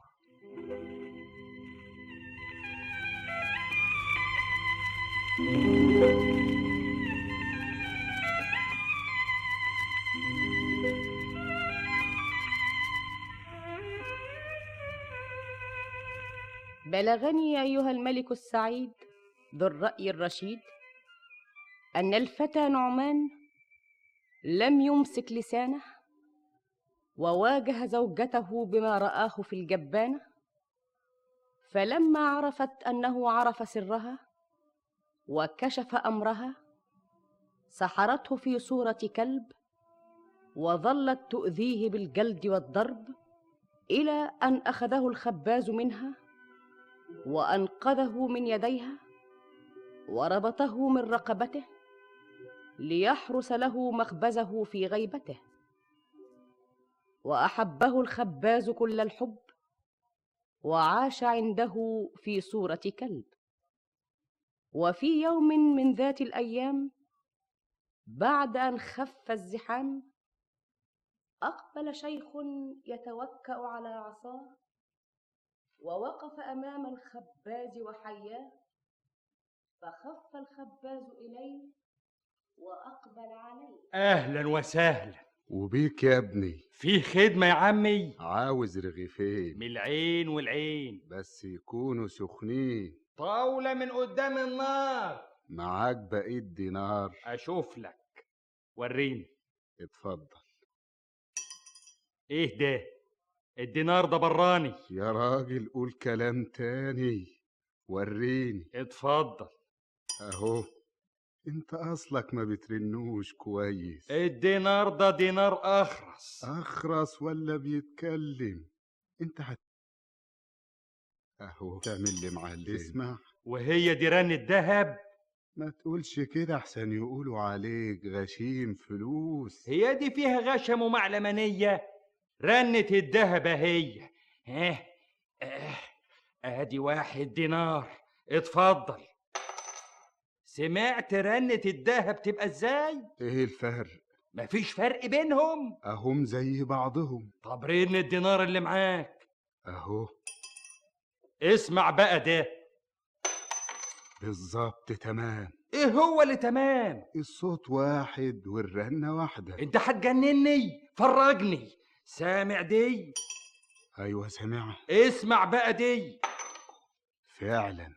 الدينار بتاعك ما بيرن زي ده الدينار بتاعي هو الاولاني الاولاني بتاعي إيه؟ انت عاوز تاكلني انت عاوز تغلطني الدينار ده بتاعك اثبت لي مراتي طالق إن ما كانش الدينار بتاعك هو المزيف انت بتخرف فين شهودك يا خباز مفيش حد شافنا غير الكلب ده اللي قاعد قدامنا تبقى قضية يمين وتروح من ربنا فين عشان تشهد الكلب بتاعك عليا لو كان ينطق كان شهد ليا بتاع مين الدينار المزيف يا ريت الكلب كان يعرف الله الكلب فاهم انت فاهم كلامنا طب تقدر تطلع الجنيه المزيف من وسط الفلوس قدم له الكيس اتفضل يا ابو الكلاب ادي الفلوس قدامك ده بيقلب فيهم بيفتش عليه جابه وريني ده فعلا هو حق انت ال... الله الله الفلوس فلوس الفلو- ايه الكيسه بحالها قدام الكلب تو مفرغها الاقيها فاضيه إيه انت خدتها انا يا راجل دخلت عندك انت بتسرقني افتشك تفتشني ايوه فتشك خليك عندك اوعى تلمسني الفلوس فلوسي فلوسي الرغيفين السخنين الفلوس كانت قدامي راحت فين عاوز تعرف فلوسك فين فين فين فين افتح الرغيفين الرغيفين السخنين افتحهم وافتحهم ليه بس انت افتحهم وشوف ايه افتحهم دول سخنين نار الرغيف ده تقيل كده ليه ما انت مش عارف ايه اللي فيه هيكون ايه آه، الله الله الله الفلوس نص الفلوس إيه؟ والنص التاني في الرغيف التاني وادي الرغيف التاني ها الله الله ده صحيح لكن لكن العيش ده طلع من النار والرغيف زي ما هو ايه اللي ايه اللي دخل الفلوس جوه انت راجل مبروك انت درويش ما تاخذنيش اصل اللي ما يعرفوك يجهلوك اسكت يا صعلوك انا ما كنتش اعرفك اعمل معروف دستور دستور انا مش هسيبك تمشي الا اذا كنت تسامحني انت دلوقتي عاوز ايه مني عاوزك ترضى عني وانت تقدر ترضيني ده انا اديك عيني لا انا هاخد الكلب ده بس بس كده الكلب وصاحب الكلب الكلب اخدته واصحابه دعوا عليه ربنا ما يباركليش فيه وانا اقدمه لك واقول لك الله يبارك لك فيه يلا يا صاحبي انت رايح تعيش مع الدراويش اتفضل الله يبارك لك فيه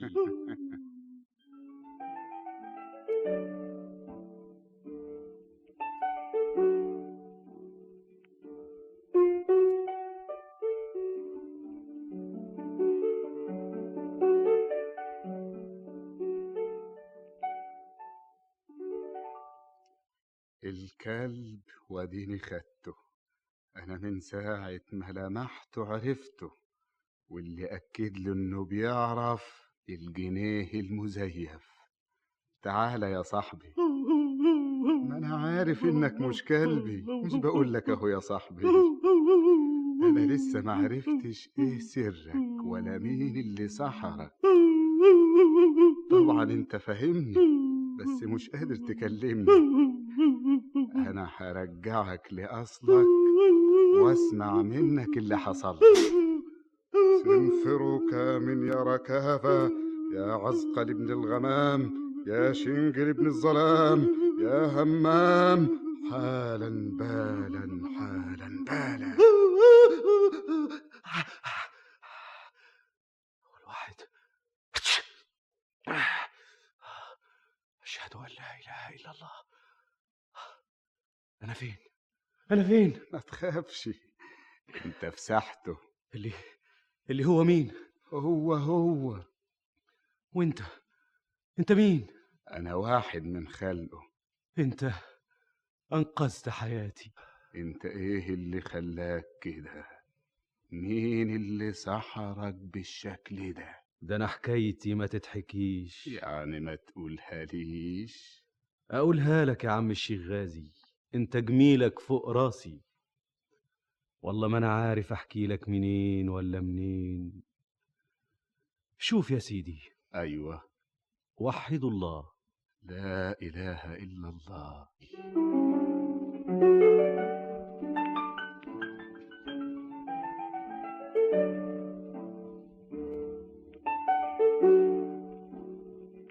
سوسن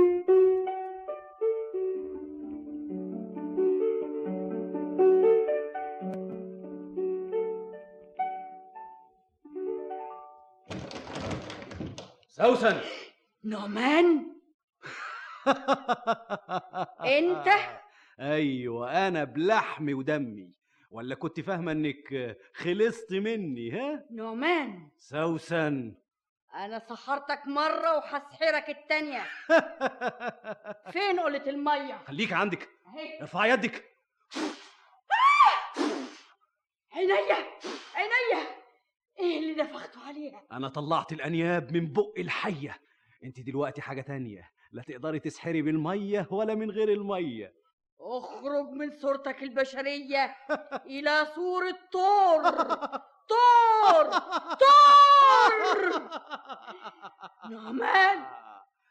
فاكره الغول اللي بين القبور نعمان فاكره الخيانه والميتين في الجبانه نعمان انت فرسه فرسه فرسه نعمان نعمان فرسه فرسه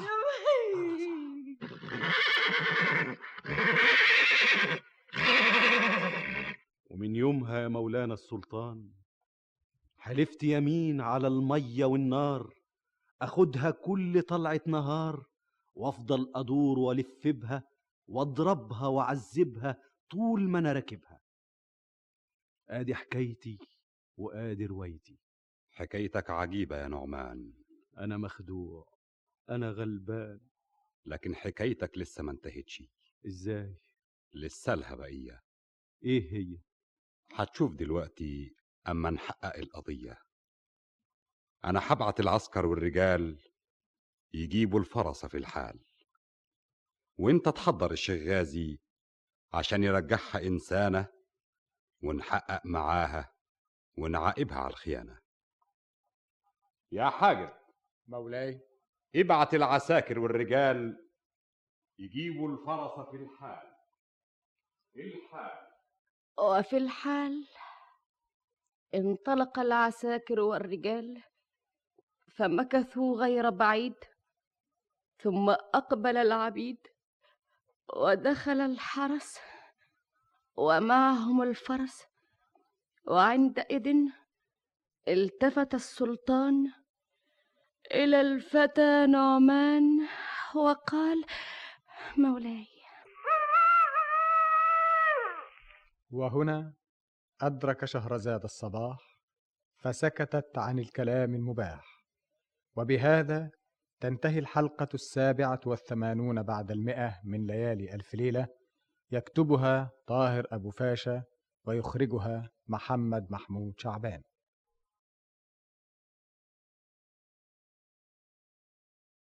ولما كانت الحلقة الثامنة والثمانون بعد المئة وفيها الليلة التالية اتخذ شهريار الملك مجلس الليلة الماضية وأقبلت شهرزاد في نفس الميعاد فتقدمت إليه وركعت بين يديه وجعلت تروي له وتقص عليه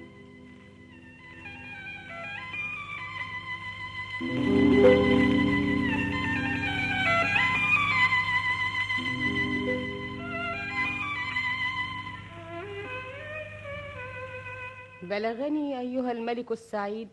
ذو الرأي الرشيد أن الفتى نعمان لما قص على السلطان ما وقع له من العجائب وما صادف من الغرائب تأثر غاية التأثر وأطرق يفكر ثم رفع رأسه وقال لم تنتهي القصة فما زالت لها بقيه ولا بد ان احكم في هذه القضيه وامر العساكر والرجال ان يحضروا الفرس في الحال فمكثوا غير بعيد ثم اقبل العبيد ووقفوا بالباب وتقدم كبير الحجاج وعليه علامات الاضطراب مولاي السلطان في ايه يا مرجان جايبين الله يعزك فرسه وعايزين يدخلوها هاتها هنا اسحبها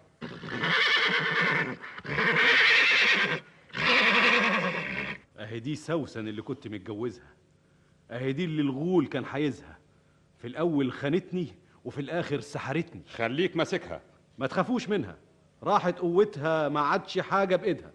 انت مش تقدر تحضر صاحبك الشيخ غازي مش عارف يا مولانا أنا من يومها ما شفتوش والخاتم اللي اداهولك ما جربتوش طب يلا جربه قدامي هو قال لي أدعكه ثلاث مرات وانده عليه يقوم يجيني طب يلا وريني يا شيخ غازي واحد يا شيخ غازي اتنين يا شيخ غازي تلاتة الله الله الله الله الله ايه ده ايه ده شوف سلام عليكم يا أمة لا إله إلا الله وعليكم السلام ورحمة الله مين؟ نعمان؟ أيوة أنا يا عم الشيخ غازي أنت ليه يا ابني باعت تجيبني؟ أنا اللي قلت له أنت يا مين أنت؟ مين ده يا نعمان اللي بيتكلم قبل ما يسلم؟ أنا اللي بتكلم أنت مين أنت أول؟ أنا السلطان السلطان؟ أيوة السلطان السلطان مش عاجبك ولا إيه؟ أبدا أنت مش السلطان أمال مين السلطان؟ تعرف السلطان يبقى مين؟ مين؟ السلطان اللي ما يعرفش السلطان على كل حال انت مكروم عشان خاطر نعمان طلباتك يا حضرة السلطان آه. شايف الفرصة اللي قدامك دي؟ ايوه شايفها أنت عارفها؟ وانا منين هعرفها دي سوسن يا عمي هي دي يا ابني انت نباشة القبور في الجبانة أنا عاوزك ترجعها إنسانة دي قليل عليها الإهانة ما أنا عاوزك ترجعها إنسانة عشان نعاقبها بشريعة بلدنا على جريمة الخيانة واخرجها في الظلام واتصالها بالغول درغام يا سلام اهو ده الكلام انا هرجعها انسان اوام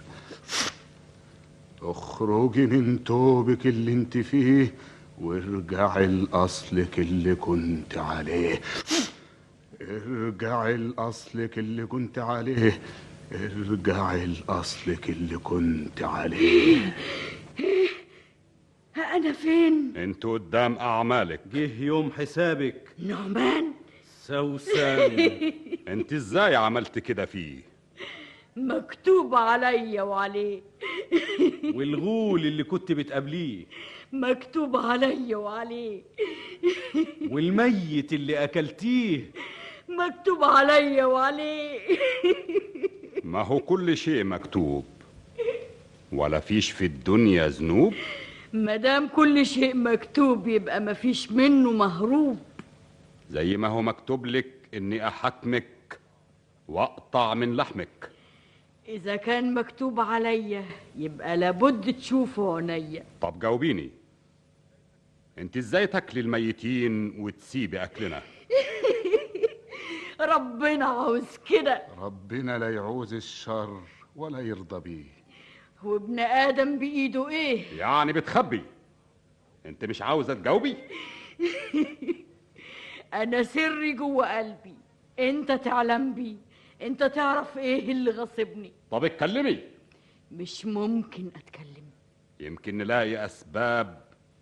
تخفف عنك العقاب وإيه حكاية درغام بين القبور في الظلام مفيش كلام ده أنت تستحق الإعدام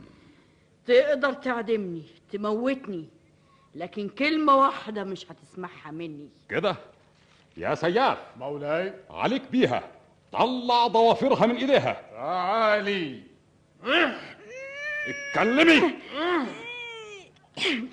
أبدا أبدا مش هتكلم طيب اتكلمي ولا هتألم سياف طير رقبتها عن جتتها اركعي آه! انت موتها اندفن معاها سرها انا خلصتك من شرها وانت يا شيخ الله الشغاز راح فين الشغال ده هنا راح فين حاجه غريبه الراجل تو واقف قدامي الله الخاتم خاتم ايه اللي كنت بحضره بيه راخر اختفى كان في صباعي بسم الله الرحمن الرحيم احنا النهارده ايه يا شيخ غازي يا شيخ غازي ما تتعبش نفسك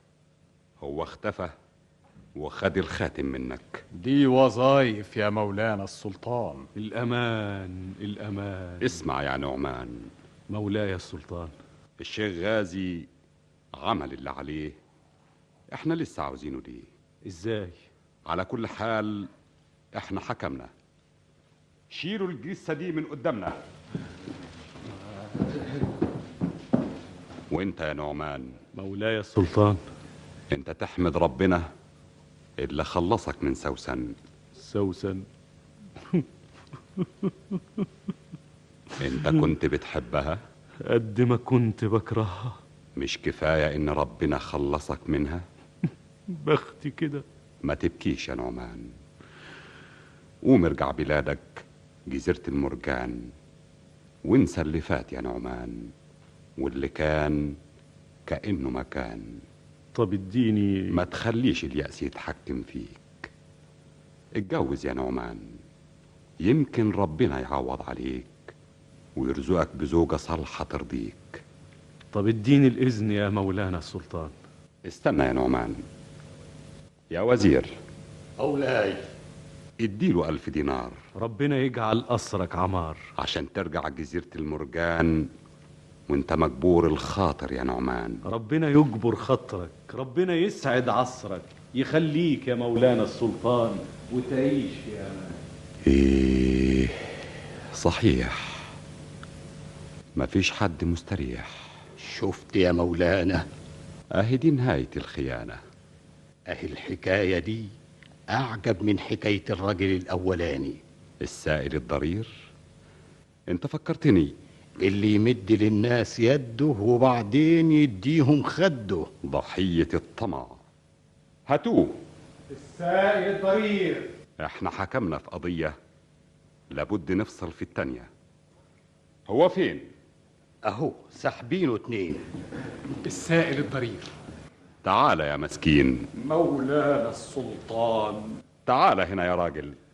أنا خد ايده يا حاجب تعالى انت حكايتك عجيبة وقصتك غريبة لكن انا عاوزك ما عنتش تخلي حد يضربك على وشك وهم بيضربوني دول بيربوني وكمان ما عنتش عاوزك تمد ايدك للاحسان واكل منين يا مولانا السلطان ربنا ما بينساش حد بابه واسع وفضله كبير يا وزير مولانا اصرفوا له كل شهر اتنين دمانة ربنا يخليك يا مولانا يرفع الديوان لا استنى انت يا وزير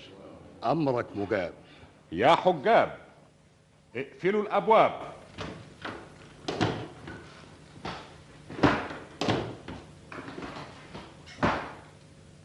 انت رايح فين ليه انت نسيت ولا ايه نسيت ايه احنا عرفنا حكاية الشحات الاولاني والفارس التاني ولسه حكاية التالت ما عرفناهاش اه صاحب القصر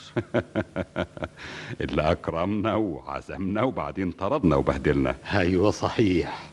انا من اللي سمعته نسيت اللي شفته عاوز اعرف حكايته راخر ايه في ايه يعزمنا وفي ايه بيطردنا نقدر نجيبه هنا ونعرف ايه المسألة احنا هنتنكر زي امبارح ونروح له لكن هو قايل لنا انه مش هيقابل حد مننا ما هو علشان كده لازم نروح له ونشوف ازاي هيقابلنا وازاي هنقابله بدل ما نتعب نفسنا نجيبه هنا ونسأله بيعمل كده ليه بدل ما نسأله نجرب بنفسنا هي الرؤية زي السماع خلاص يا مولاي أمرك مطاع يلا نعمل زي امبارح احنا الوقت في الميعاد قوم نتنكر في صورة أغراب ونخرج من الأبواب لا حرس ولا حجاب وخرج الوزير والسلطان وهما متنكران وظلا يمشيان حتى انتهيا إلى القنطرة في ساعة متأخرة وأبصرا صاحب القصر واقفا على الجسر فلما رآهما أشار إليهما فلما اقتربا منه رفع ال- مولاي وهنا أدرك شهرزاد الصباح فسكتت عن الكلام المباح وبهذا تنتهي الحلقة الثامنة والثمانون بعد المئة من ليالي ألف ليلة يكتبها طاهر أبو فاشا ويخرجها محمد محمود شعبان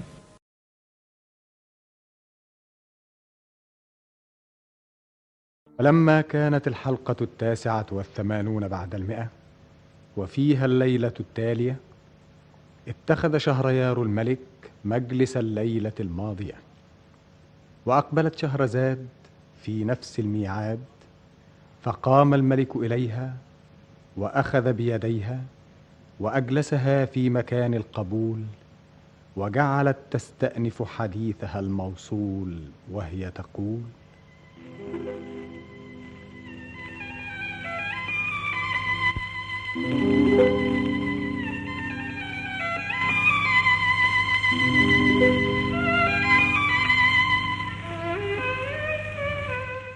بلغني أيها الملك السعيد ذو الرأي الرشيد أن السلطان لما عرف قصة السائل الضرير وقصة نعمان ورفع الديوان وخرج الأعوان والأعيان طلب من الوزير أن يتأخر وأمره أن يتنكر وخرج الوزير والسلطان وهما متنكران وظلا يمشيان حتى انتهيا الى القنطره في ساعه متاخره وابصرا صاحب القصر واقفا على الجسر فلما راهما اشار اليهما وصاح عليهما وجعل يحييهما انت يا راجل انت وهو ده صاحب القصر اهو تعالوا تعالوا ده بيشاور لنا السلام عليكم اتفضلوا ده انتوا انستم ده انتوا الله هو انتم ايوه, أيوة. احنا امشي الله امشي انت وهو انتوا جايين هنا ليه لكوا عندي ايه انت لسه ناده لنا وافرض اني ندهت لكم انا ما كنتش عارفكم انا مش عايزكم وروني عرض كتافكم ده راجل غريب وانا غريب انا مش عاوز اعرف اصحاب طيب. بنقول لك احنا ناس اغراب ان عزمتنا الليله هنسافر بكره ولا عنتش تشوفنا بالمره مش بيقول لك ايه الغريب مكروه وصحبة يوم وفرقة دوم ده اللي هيكون يعني ايه يعني اذا عزمتنا عندك الليله دي بكره مش هتشوفنا عشان هنكون سافرنا وانت في بلدك واحنا في بلدنا اذا كان على كده نبقى اتفقنا ايوه كده ما تكسرش بخاطرنا مش قصدي انتوا اصلكوا ما تعرفوش حكايتي ايه درس اتعلمته مش ممكن انساه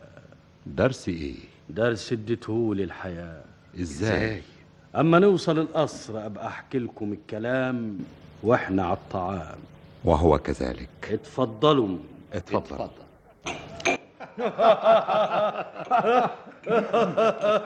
ت- تعرفوا انكم لطاف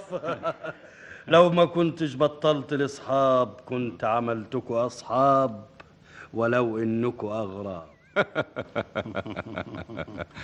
وليه بطلت الاصحاب عشان ما لقيتش في الدنيا اصحاب الناس ودهم كذاب طول ما الدنيا وياك اهم وياك ويوم ما تميل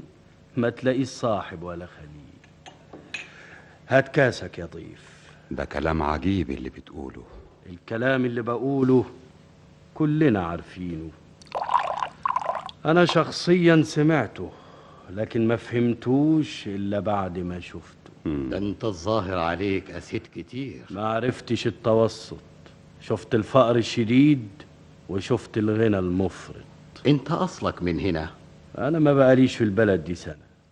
امال ايه اللي جابك البلد دي عشان ابعد عن الناس واعيش لوحدي لا اعرف حد ولا حد يعرفني ولما انت مش عاوز تعرفهم ليه بتعزمهم عشان ليا علة علة ايه ما اقدرش اشرب من غير شلة انت زي حالي انا اصلي ابن ليالي آه. لو تعرفوا اللي جرالي انتوا ما تعرفوش انا مين مين, انا ازاد ابن صايم زاد والد الله يرحمه كان تاجر وكان تاجر شاطر وكانت تجارته الجواهر وجمع من تجارته اموال لا لها اول ولا لها اخر ونشات في عز وغنى وسعد وهنا مم. ما كانش ليا اخواتي شاركوني وعشان كده دلعوني مم. لو كانوا ربوني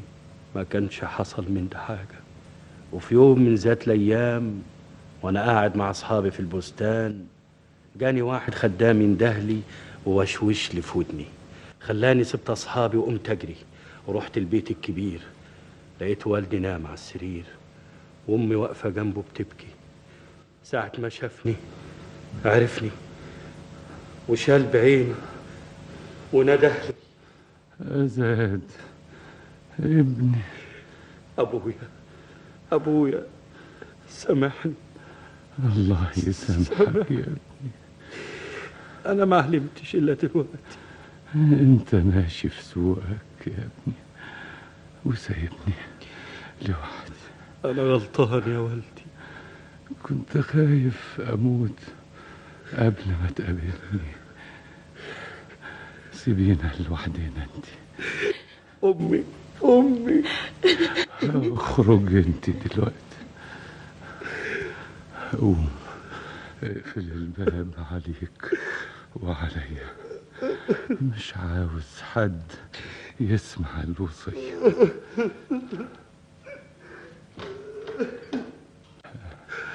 أنا حسيبك يا ابني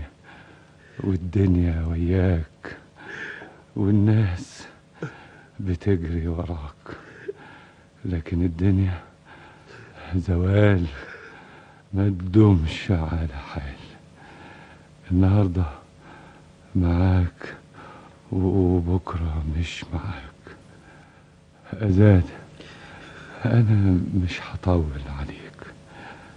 أنا عارف إنك مش هتبطل اللي فيك أنا مش هقولك حاجة خليك على حالك واعمل ما بدالك حاجة واحدة بس عاوزها منك هي إيه؟ لما الزمان يخلى بيك وتبص ما تلاقيش حد حواليك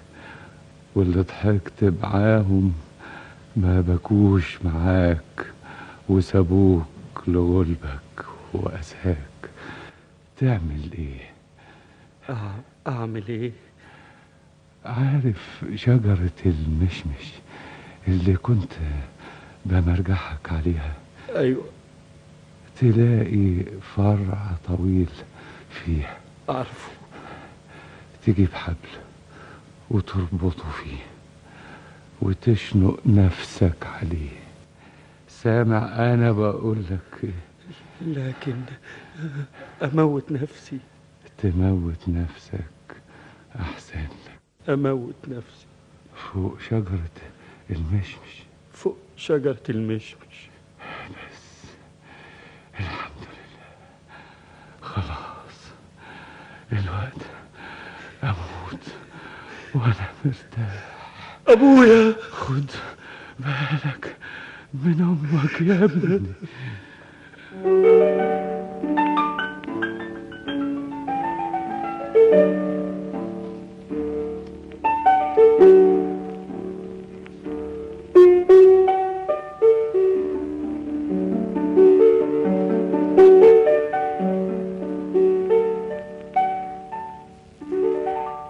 أزاد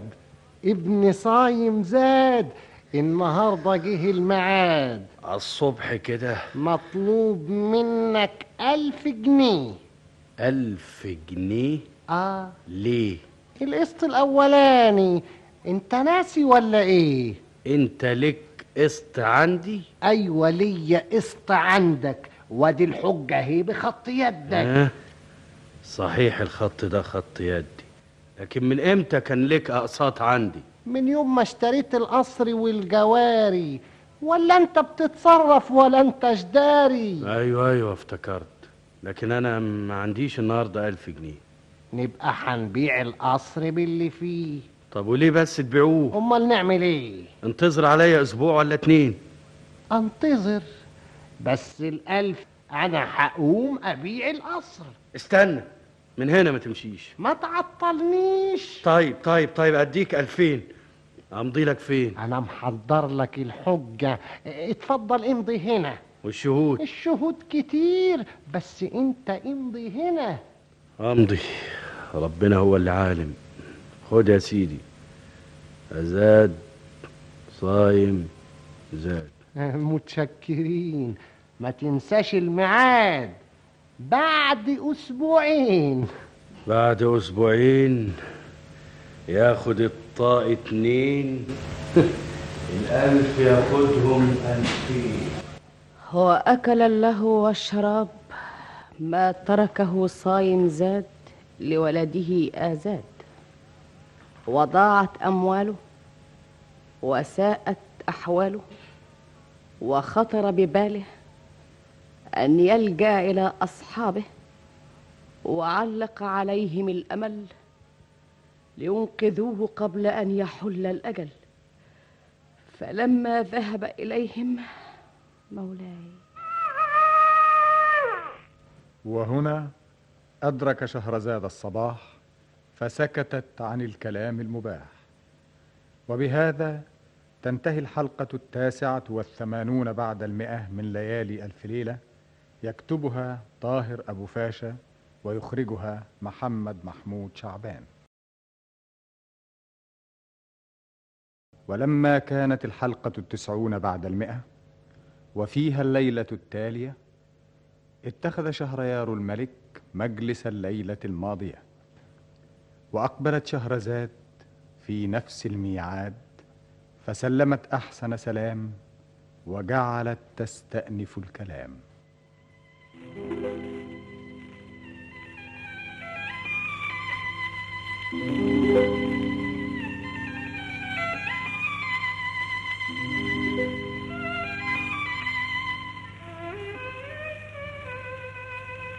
بلغني أيها الملك السعيد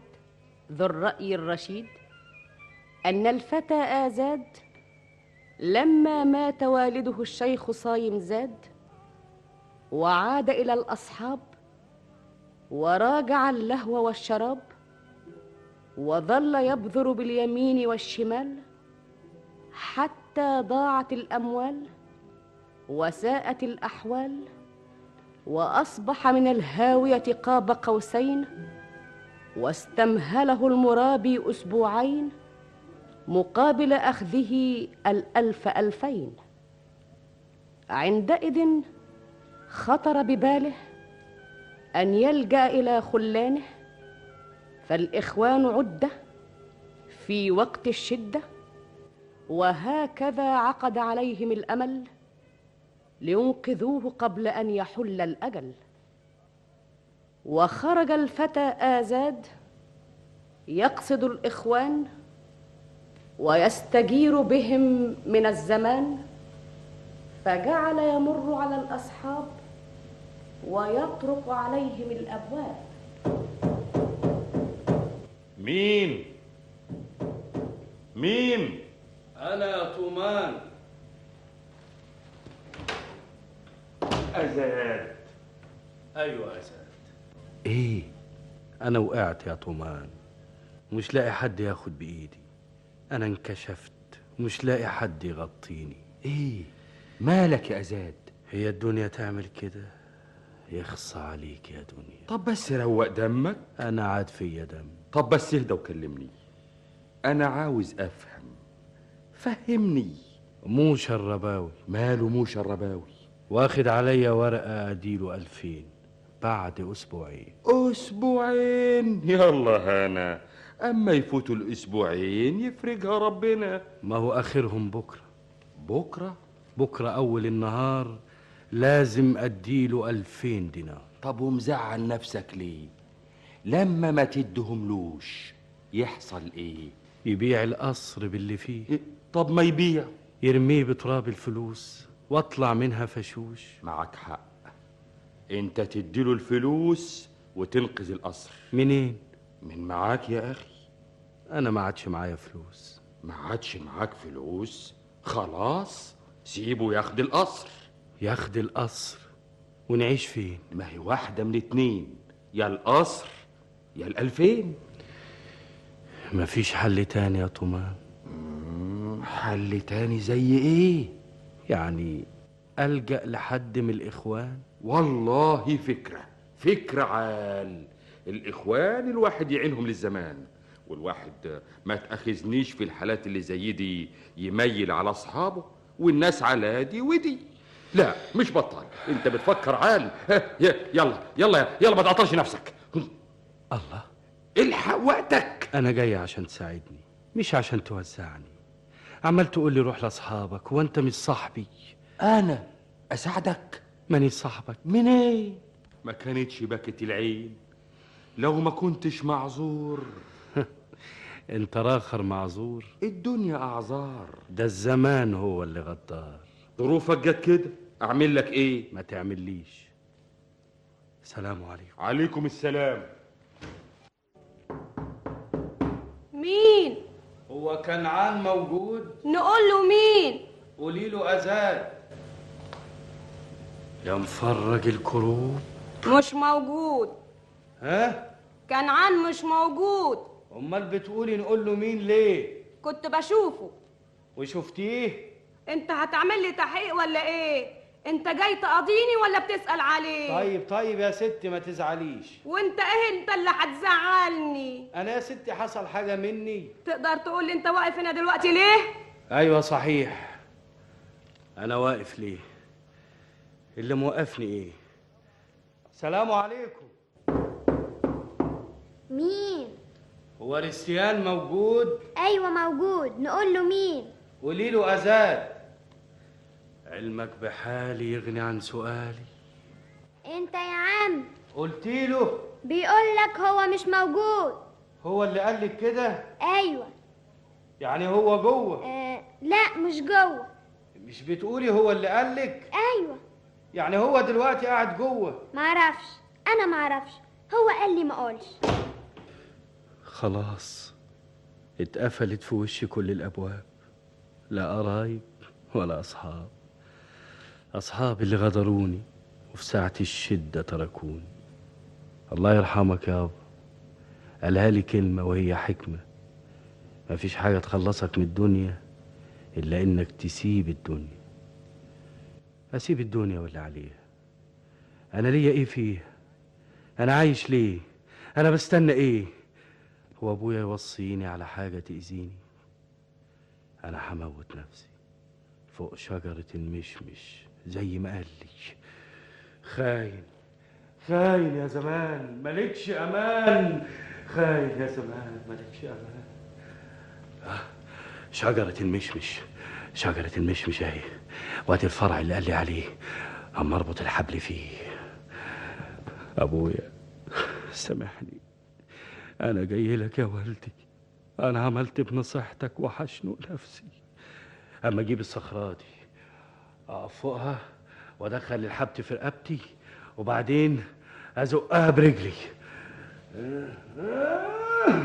ياه دي تقيلة كده ليه آه بس أما أطلع فوق الحبل في رقبتي جه يومي وجت ساعتي روحي مش عايلة عليا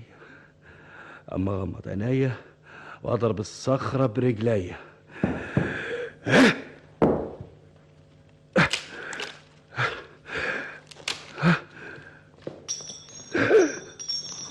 الله ايه ده دهب دهب دهب دهب كان فين كان في الشجره ساعه الغصن ما انكسر الدهب ظهر يا ده دهب كتير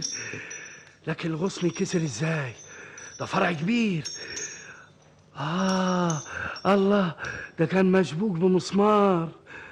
أبويا اللي كان شابكه أبويا الله يرحمك يا أبا عشان كده عين لي الغصن ده أشنق عليه نفسي يقوم ينكسر بي والدهب يظهر لي لكن بعد ما أكون اتربيت أبويا جميلك وصلني والدرس بتاعك نفعني خلاص القصر مش هيتباع مو شرباوي فين ياخد الألفين مين يبلغ إخواني إني بقيت غني تاني ها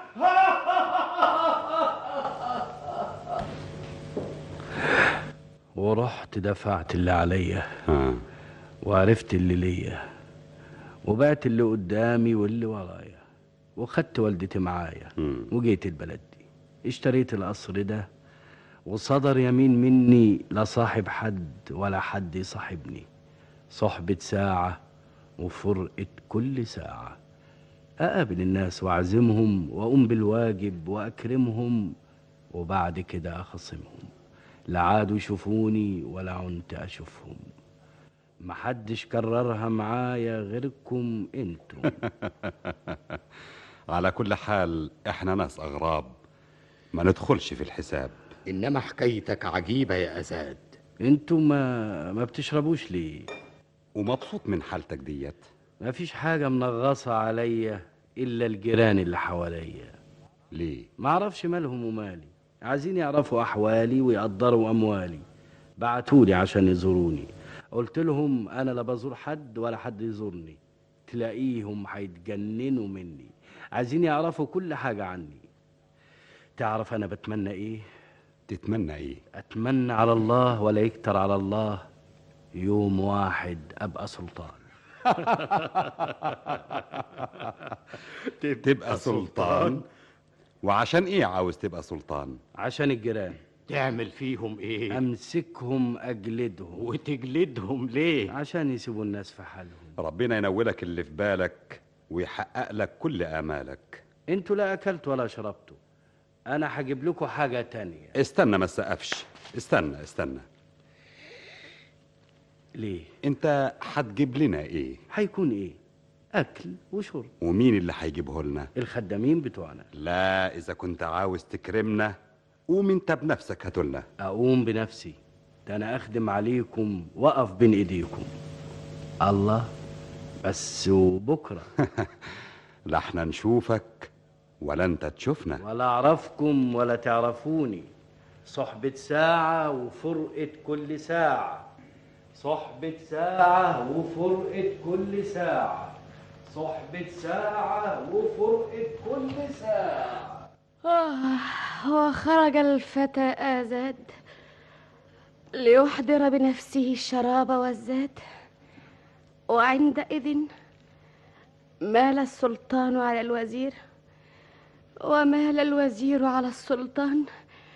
وجعلا يتهامسان مولاي وهنا أدرك شهرزاد الصباح فسكتت عن الكلام المباح وبهذا تنتهي الحلقة التسعون بعد المئة من ليالي ألف ليلة يكتبها طاهر أبو فاشا ويخرجها محمد محمود شعبان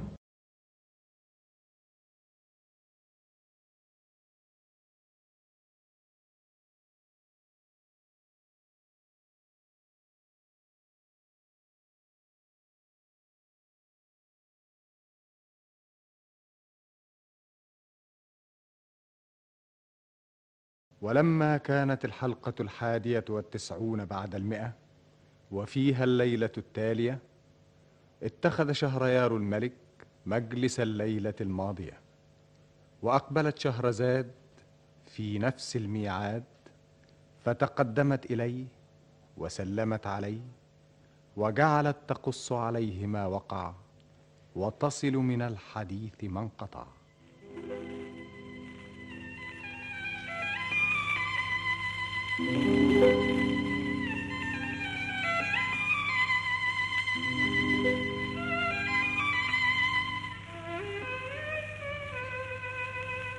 بلغني أيها الملك السعيد ذو الرأي الرشيد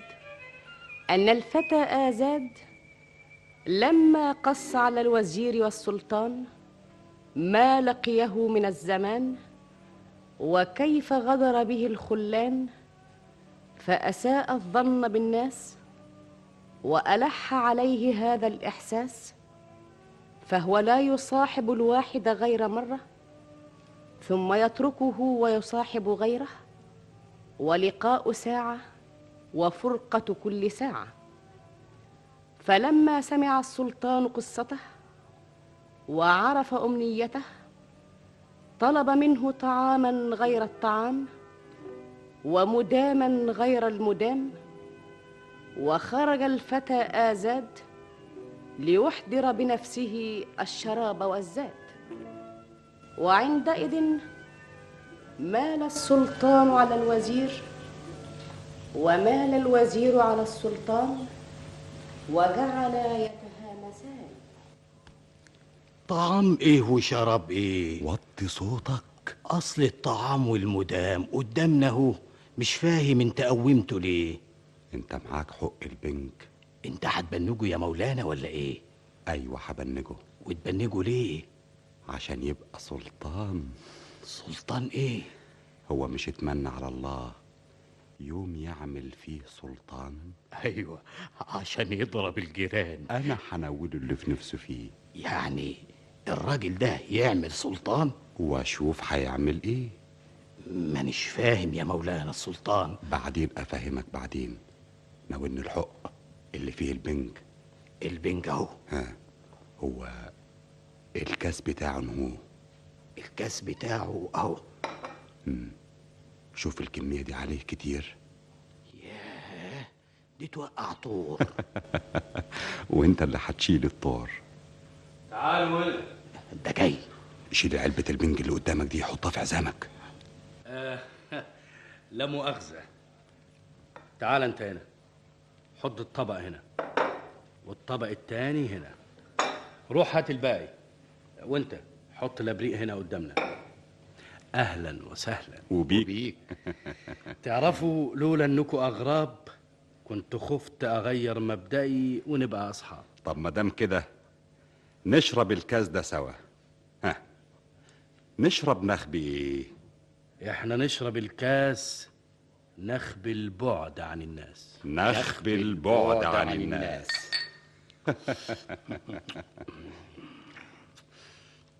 مم. ياه، ده صعب قوي دي هتخليك سلطان مم. سلطان ايه وبتاع ايه الله ايه انا دايخ كده ليه الله دماغي جراله ايه انت اللي دماغك خفيف اسند دماغك على المسند اللي وراك آه. تعبان أيوة ايوه كده الله ده نام بالعجل كده مش قايل لك ان العيار تقيل ده يوقع طور وانت اللي هتشيل الطار يعني ايه اشيل الطور هي دي عاوزة تفسير واشيله ليه عشان نوديه القصر نوديه القصر اه ليه عشان يبقى سلطان يلا قدامي على القصر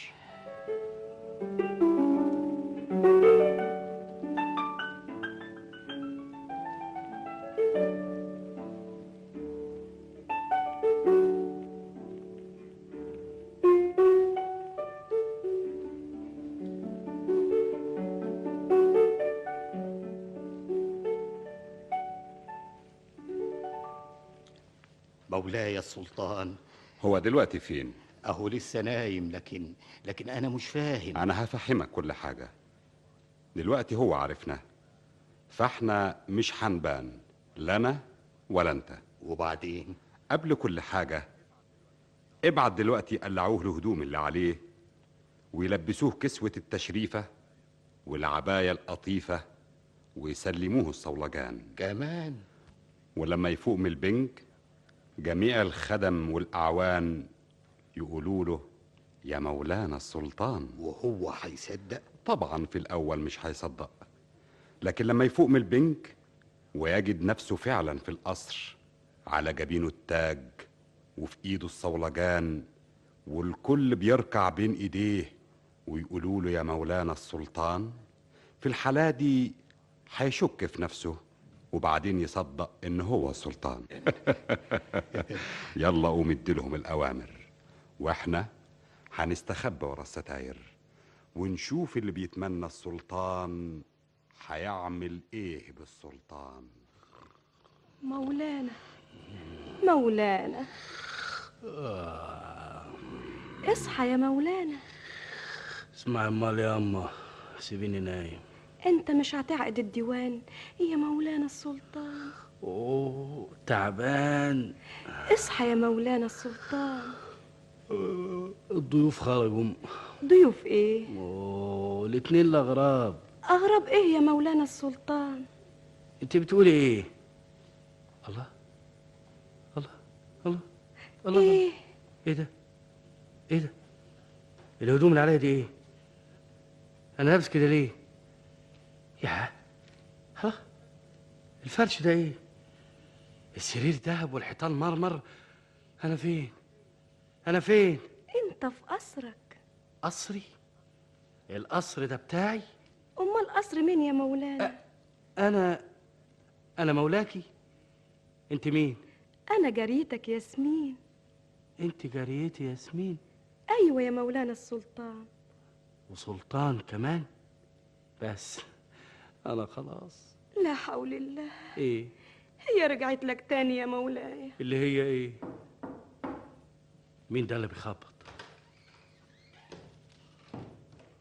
السلام والتحية على ال... استنى علي تعال هنا شوي أنا تعال أنا تعال حقق كويس فيا انا مين جرى إيه يا مولانا السلطان؟ انا مولاك السلطان ربنا يأيد عرشك يا ملك الزمان انا ملك الزمان وانت انت مين أنا خادم من الخدامين اسمع يا خادم من الخدامين مولاي خد يا خادم من الخدامين آخد إيه يا مولاي السلطان؟ خد ايدي عضها إيه؟ بقول لك عضها أعض إيد مولانا؟ عشان مولاك يعرف ان كان صاحي ولا نايم مش فاهم هي رجعت لك تاني آه يا رجعت لك تاني رجعت له تاني الله اللي هي ايه رجعت له تاني استنى استنى هنا ده استنى. أمر خطير ده حدث كبير أنا هبلغ الوزير أنا هبعت للوزير انا خلاص عقلي راح يطير اسم الله على عقلك يا مولانا ده الوزير وكمان وزير انا عقلي راح يطير مولاي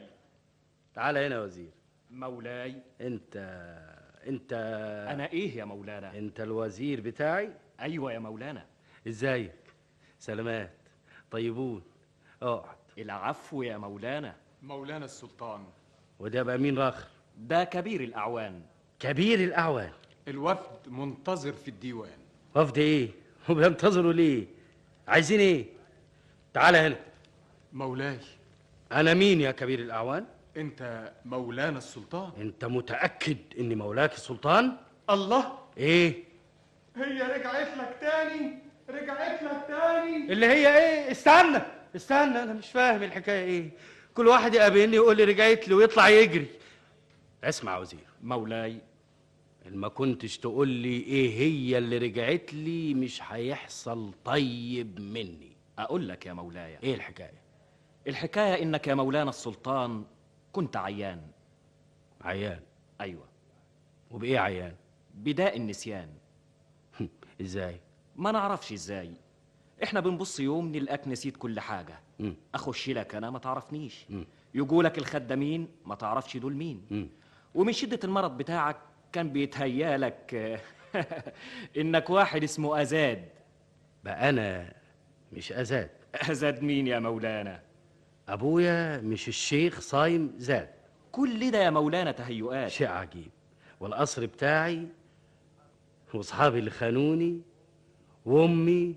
دي كلها أوهام كانت مسلطة عليك يا مولانا السلطان شيء عجيب ده احنا ما سبناش ولا طبيب والنهاردة رجعت لك الحالة دي تاني ازاي ما انتش فاكر يا مولانا يوم ما عملتني وزير ما انتش فاكر القصر الكبير خلاص انا كنت عيان وخفيت بس انا ناسي شويه ما يجراش حاجة ربنا يتمم شفاك يا مولانا السلطان لكن انت متاكد اني انا السلطان وبعدين يا مولانا بص بعينيك شوف اللي حواليك ايوه صحيح انا والله كنت مصدق ان واحد تاني كنت متصور اني ازاد والوقت يا مولانا السلطان دلوقتي قوم قوم خليهم يقعدوا الديوان واعلن قدوم السلطان انا سلطان انا سلطان انا سلطان هو صدق الفتى انه هو السلطان وانه كان مريضا بداء النسيان وكان السلطان الحقيقي والوزير مختبئين خلف ستائر الحرير فلما امر صاحبنا بعقد الديوان اسرع السلطان وامر ال- مولاي وهنا أدرك شهرزاد الصباح فسكتت عن الكلام المباح وبهذا تنتهي الحلقة الحادية والتسعون بعد المئة من ليالي ألف ليلة يكتبها طاهر أبو فاشا ويخرجها محمد محمود شعبان ولما كانت الحلقة الثانية والتسعون بعد المئة وفيها الليلة التالية اتخذ شهريار الملك مجلس الليلة الماضية وأقبلت شهرزاد في نفس الميعاد فتقدمت إليه وركعت بين يديه وجعلت تروي له وتقص عليه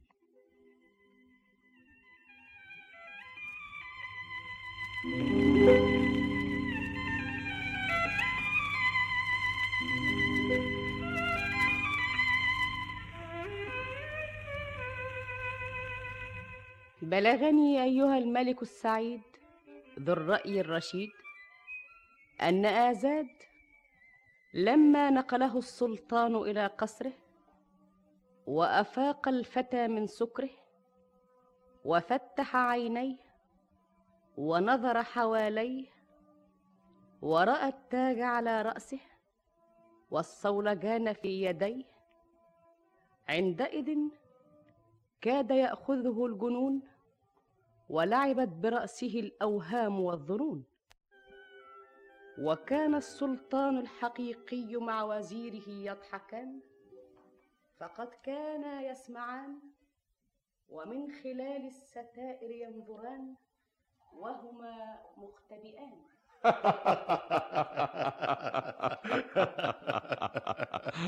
والمدهش يا مولانا السلطان ان هو مصدق دلوقتي ان هو السلطان أه، ما هو عيان أه، ده الراجل امر بعقد الديوان اعقدوا له الديوان إيه؟ اعقدوا له الديوان انت بتقول ايه يا مولانا السلطان بقول اجمعوا له الديوان هو النهارده سلطان وانت كمان مولاي انت عملت له وزير وسبكت عليه الدور انا عبد المامور خليك معاه وزير واجمع له الديوان والجنود والاعوان في الحال مولانا السلطان امر بعقد الديوان مولانا السلطان قول لهم يقعدوا اتفضلوا اقعدوا اعلن عقد الديوان انعقد الديوان مولانا السلطان أنا كنت قدمت لك شكوى من زمان ودلوقتي عاوز ايه الأمر ما فيه انت هتروي لي روايه ما هي الحكايه وكمان حكايه ما هو يا مولانا ما تطولش معايا انا بقول لك عاوز ايه عينك كلها نظر يا راجل مش كده اتكلم قول لي عاوز ايه أنا راضي باللي تحكم بيه خلاص حكمت عليك ب 100 جنيه إيه 100 جنيه بتوع إيه غرامه غرامة إيه ده أنا اللي شاكي شاكي مشكو اهو كله بيحصل بعضه الله إزاي الكلام ده جد هو الكلام الملوك اترد الشاكي تغرموه أمال المشكو في حقه تعملوا فيه إيه انت هتزود معايا ليه إزاي يا عالم يا أوه اخرجوه يلا تعالى اروح فين واجي منين يا عالم انت عملت كده ليه يا مولاي انا ما انا مش عارف ايه الحكايه انا بحكم في قضيه مش عارف ايه هي ما تقولش كده يا مولانا انا مش فاكر عن القضيه دي حاجه طب بس اسكت احسن يسمعوك يعملوا ثوره عليك ويعزلوك ايه طب ساعدني اسندني انت ظلمت الراجل ده بالحكم عليه طيب آه، هاتوه هاتوا الراجل اللي حكمنا عليه هاتوه يا عالم يا اهم جابوه تعالى تعالى يا راجل انت انا رأفت بحالتك وخففت الحكم عنك ربنا يرفع رايتك ويديم عزك وكمان حكمت لك ب 200 جنيه ايه تاخد 200 جنيه بتوع ايه انت كتير السؤال ليه حاجه وربنا بعتها لك ده انت تستاهل اللي جرالك خدوه من قدامي ونفذوا جميع احكامي ادوا له 200 جنيه وغرموه 100 جنيه انا مش فاهم الحكايه إيه. ايه تعالى معانا بس حلم مولانا اسحبوه مولانا مولانا اف ده لزقه بالبانه وانا يا مولانا السلطان وده ايه كمان انت يا مولاي قلت لي اجي بعد اسبوعين طب وما جيتش ليه ما انا هو جيت طب عاوز ايه عاوز البيت بيت ايه اللي فيه الزيت زيت ايه اللي في البيت عال انت يا مولانا نسيت انا انا انت بتقول نسيت انا فاكر كل حاجه انا فاكر البيت اللي فيه الزيت والزيت اللي في البيت هي دي حاجه الواحد ينساها وايه راي مولانا فيها اللي هي ايه انت بتنسى يا مولانا ولا ايه انا مش ناسي حاجه انا كويس اهو طب قول لي ايه رايك فيها والله مش بطاله اللي هي ايه الحاله حاله ايه انت بتتكلم عن ايه الله مولانا انت بتنسى يا مولانا هي رجعت لك تاني ابدا ما رجعتليش استنى استنى ما تجريش استنى دي رجعت لمولانا مولانا اتجنن استنى يا جدع استنوا ما تجروش ما تخافوش مني ما تخافوش ما تخافوش فين الوزير مولاي كويس كده ما انت اللي كشفت نفسك يا مولانا قلت اعمل ايه كنت اجلت كل القضايا ايوه اهدي فاتتني اسمع تعال هنا ايه قول لي هو السلطان مش يبقى عنده خزائن واموال طبعا يا مولانا السلطان إيه. طيب فين الخزائن اللي عندي ادي فين الاموال بتاعتي انا والله آه، إيه؟ يا- اتكلم يا وزير فين الذهب والدنانير موجودين موجودين آه، فين فين تحت فين؟ امرك يا مولانا تحت امرك اؤمر وانا ابلغ الخزندار هو في خزندار امال طيب خليه ياخد عشر تلاف دينار ويروح الجسر ويديهم لأم صاحب القصر عشر تلاف دينار دي الخزانة تخز وانت مالك يا وزير النحس انت عليك تنفذ وبس آه، طي- طيب يا مولانا استنى في كمان حاجة ايه وياخد معاه عشر عبيد في ايديهم الكرابيج ويمسكوا جيران القصر ويضربوهم من الصبح للعصر وينادوا عليهم في المدينة ده جزات اللي يجرح جاره ويشرب ويعكر على غيره انت سامع؟ سامع يا مولانا السلطان طب يلا نفذ الأوامر في الوقت والساعة السمع والطاعة الأميرة زهرة البستان بنتي أبويا ايه اللي جابك يا زهرة البستان اللي جابني الأخبار اللي سمعتها والكلام اللي بيقولوه اخبار ايه وكلام ايه أنت جايب الراجل ده ليه؟ راجل ايه الراجل اللي أنت عامله سلطان اه انت بلغتك الحكايه إزاي تعمل حاجة زي دي من ورايا؟ إيه؟ آه. النهايه النهاية أنا جاية عندك آخد الإذن منك اذن ايه عشان أتفرج عليه تتفرجي عليه يحصل إيه؟ كل اللي في القصر بيضحكوا عليه طب بس قولي لي هتعملي ايه قول لي أنت هو دلوقتي فين؟ هو دلوقتي خلص الديوان وطالع يقعد مع الجواري الحيسان وبعد ما يغنوا له ويرقصوا حواليه واحده منهم تبنجه وتبنجوه ليه؟ عشان يشيلوه العبيد وهو غايب عن الوجود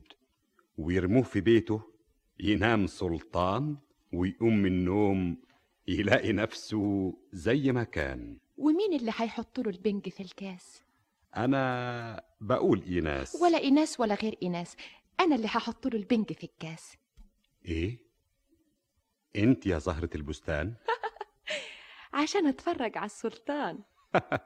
ونشوف يعمل ايه لما نغني له ونسقيه ونضحك عليه ونضحك عليه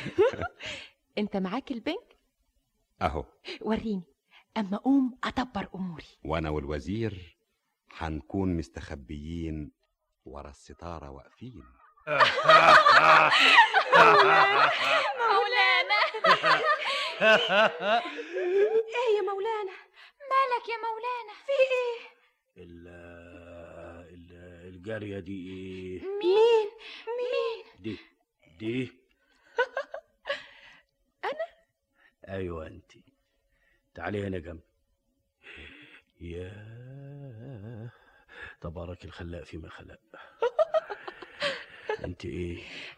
انا جاريه من جواريك يا مولاي السلطان ده أنت طيرتي عقل سلطان قولي لي أنت إيه؟ بقول لك قولي لي أنت إيه؟ انا جاريتك يا مولانا أنت أنت الجارية بتاعتي انا ملك يديك يا ساتر آه، واسمك إيه؟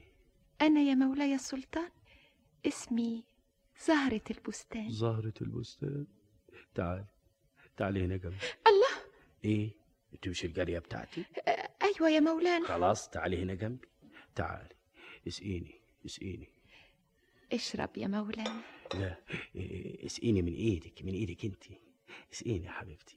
اشرب يا حبيبي دي صعبه قوي ايه ده من ايدي انا ده مش الكاس اللي سقيته لي ده عليك اللي قتلوا ايه انا انا دايخ كده ليه دماغي جراله ايه صح زهرة البستان مولانا السلطان زهرة ال البستان ده نام نام خلاص خلاص قولوا له قولوا للسلطان مولانا ابويا احنا كنا واقفين وراكم وبنتفرج عليكم يلا يا وزير مولاي اولا قلعوه الهدوم دي ولبسوه الهدوم اللي كانت عليه وبعد كده يجوا العبيد يشيلوه ويودوه القصر بتاعه ويسيبوه وينام سلطان ويقوم من النوم غلبان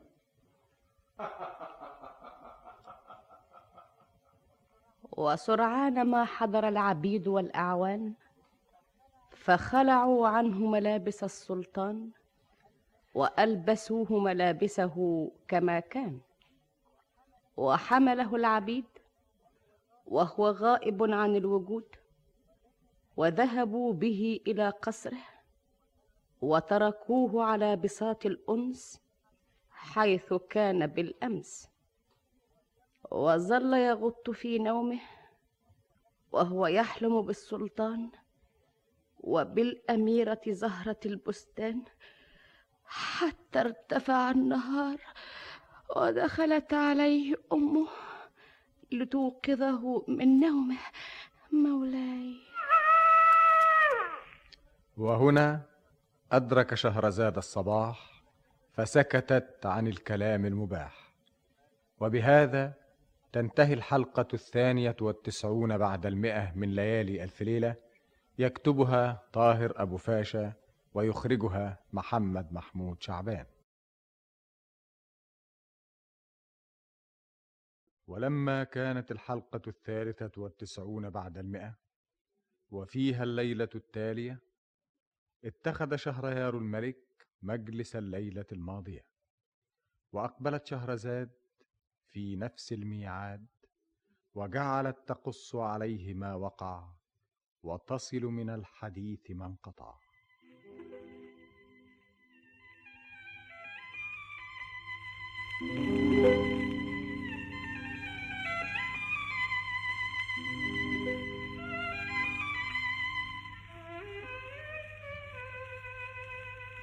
بلغني ايها الملك السعيد ذو الراي الرشيد ان الفتى ازاد لما صدق انه هو السلطان وانه كان مريضا بداء النسيان وانتهى من الديوان انصرف الى الجوار الحسان وراى الاميره زهره البستان بنت السلطان فاستحوذت على قلبه واستولت على لبه وصدق انها بعض جواريه وطلب منها ان تسقيه ووضعت له المخدر في كاسه فما ان استقر في جوفه حتى غاب عن وعيه وعندئذ ظهر السلطان وامر العبيد والاعوان ان يخلعوا عنه ملابس السلطنه ويلبسوه ملابسه كما كان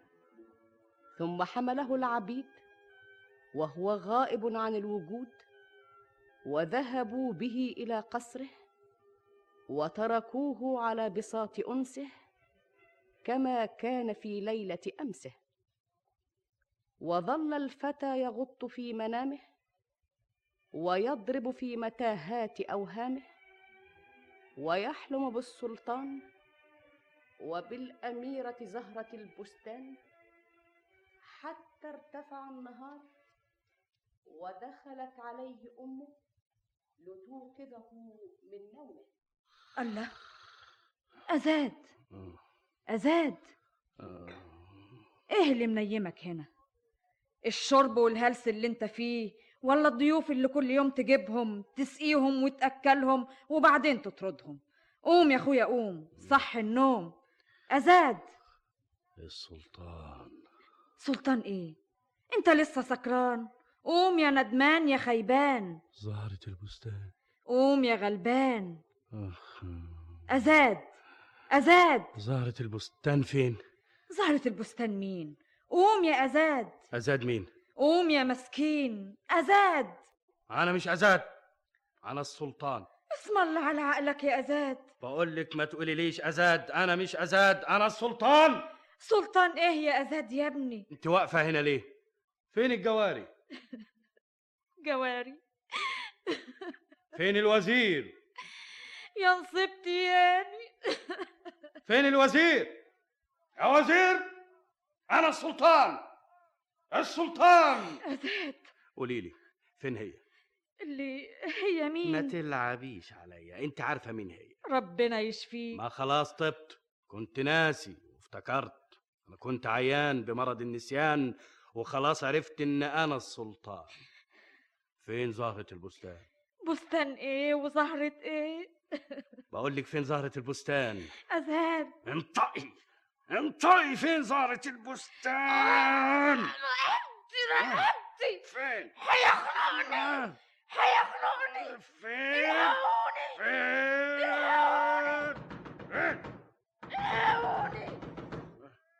فين جبهة جبهة افتحوا الابواب افتحوا الابواب ايه مالك يا وزير فين فين زهره البستان جبهة ماسك في زمارة رقبتها سيب رقبتها تقولي اول فين زهره البستان بستان ايه انا خلاص طبت كنت ناسي وافتكرت كنت ناسي ايه كنت ناسي ان انا سلطان ايه وافتكرت ايه افتكرت ان انا السلطان سلطان؟ كأنك يا مولانا السلطان اللي بعت امبارح ضربتني بس انت فكرتني إيه؟ انتوا امبارح جالكوا عشر عبيد أيوة. وفي ايديهم الكرابيج أيوة. وفضلوا يضربوكم من الصبح للعصريه أيوة. وتقولوا لي مانيش السلطان امال مين اللي بعت لكم العبيد بالكرابيج انت يا مولانا السلطان آه. وليه بس يا مولانا الأذية وانت يا عجوزه النحس ها ابني اخرسي السلطان امبارح بعت لك ايه بعت لي كيس لسه ما قلتلكش عليه تعرفوا انتوا قد ايه فيه انت اللي تعرف يا مولانا السلطان في عشر تلاف دينار اتفضلوا عدوه على ايه ده جنانه صعب قوي اذا كان مش عارفني مش هتعرفي تهربي مني يا حبيبي يا ابني فين زهرة البستان؟ علمك بس يا مولانا السلطان مفيش كلام تقول لي فين زهرة البستان؟ هاتوله زهرة من البستان اخرس يا جبان هي حصلت الضرب كمان وانت ابني انطقي انطقي انطقي انطقي ده ده ده, ده انت طبق إيه؟ في رقبتها هيموتها حشوش طيب. استنى يا مولانا السلطان ابطئي هيموتني اوعى اوعى تقوم شد رجل مولانا فين العساكر فين الجنود يا وزير يا وزير خطفوه خطفوه هاتوا مولانا على الارض يا خونة خونة يا جنود يا, يا, يا حرس خطفوه من ايديه انا السلطان انا السلطان يا وزير مولاي احنا الوقت لوحدنا يلا قوم نتنكر ونغير شكلنا نغير شكلنا يلا بينا على فين يا مولانا السلطان نتنكر زي امبارح العصر ونروح على القنطرة نقابل صاحب القصر السلطان السلطان ونقابله تاني ليه عشان نعرف اللي جرى ايه القصة لسه ما انتهتش عاوز اعرف ايه اللي جرى لما قام من النوم لقى نفسه في القصر بتاعه على القنطرة يا ترى يا هل ترى عاوز اعرف ايه اللي جرى ضروري هو هيفهم انه كان بيحلم طب يلا قوم نتنكر امرك يا مولانا السلطان زي امبارح اتنين اغراب ونتسلل من ابواب ولا حراس ولا حجاج انت هتفضلي تبكي البكا ما يفتش يا بنتي معرفش جراله ايه يا كاهن الكهان بات وصبح يقول ان هو السلطان ابنك متسلطة عليه الجان يا رحيم يا رحمن هو فاهم دلوقت انه هو السلطان وانه كان عيان بمرض النسيان اعمل ايه ده الواحد اللي طلعت بيه الواحد اللي حلتي اه يا ملت بختي ما تيأسيش من رحمة الله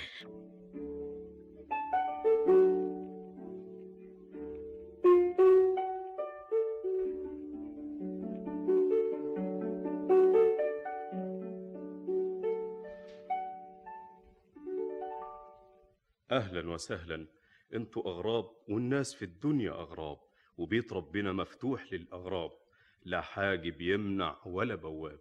اتفضلوا أهلا وسهلا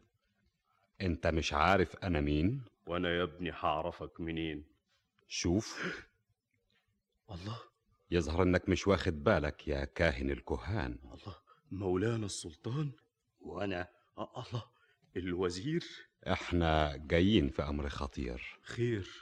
احنا جايين عشان أزاد أزاد مين الا فاهم ان هو السلطان ده ده مجنون وهو فين منزلينه في أوضة في المعبد لوحده ومقفلينها عليه والمفتاح بتاعها فين معايا هاته انت رايح له يا مولانا خليك انت ما تجيش معايا طيب يا مولانا مع السلامة مع السلامة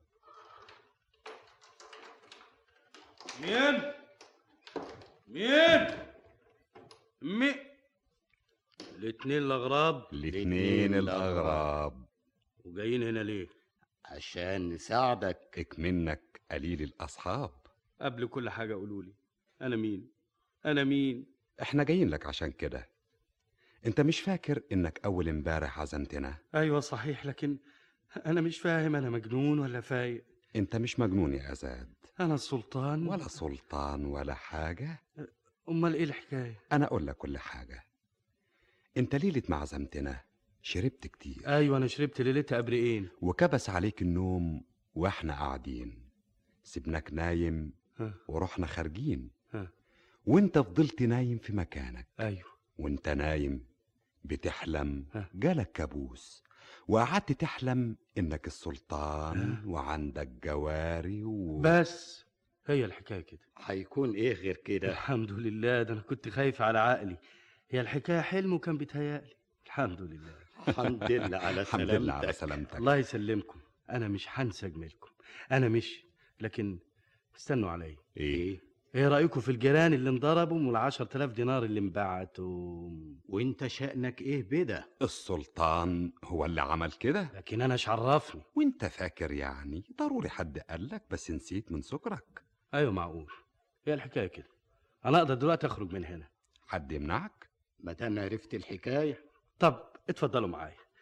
انا ما كنتش بصاحب لكن هصاحبكم انتوا اصحابي انتوا احبابي هتعزمنا الليله دي أعزمكم وأخدمكم وتسقينا وأسقيكم وتشرب معانا أشرب معاكم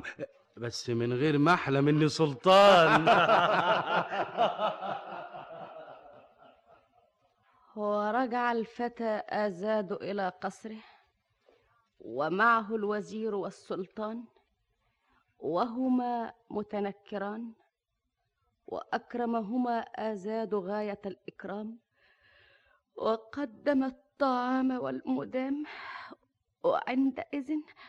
مولاي وهنا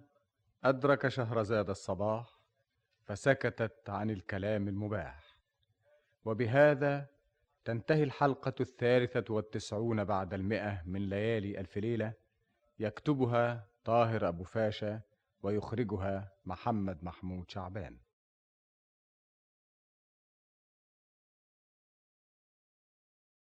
ولما كانت الحلقة الرابعة والتسعون بعد المئة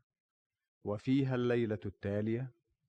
اتخذ شهريار الملك مجلس الليلة الماضية وأقبلت شهرزاد في نفس الميعاد فسلمت أحسن سلام وجعلت تستأنف الكلام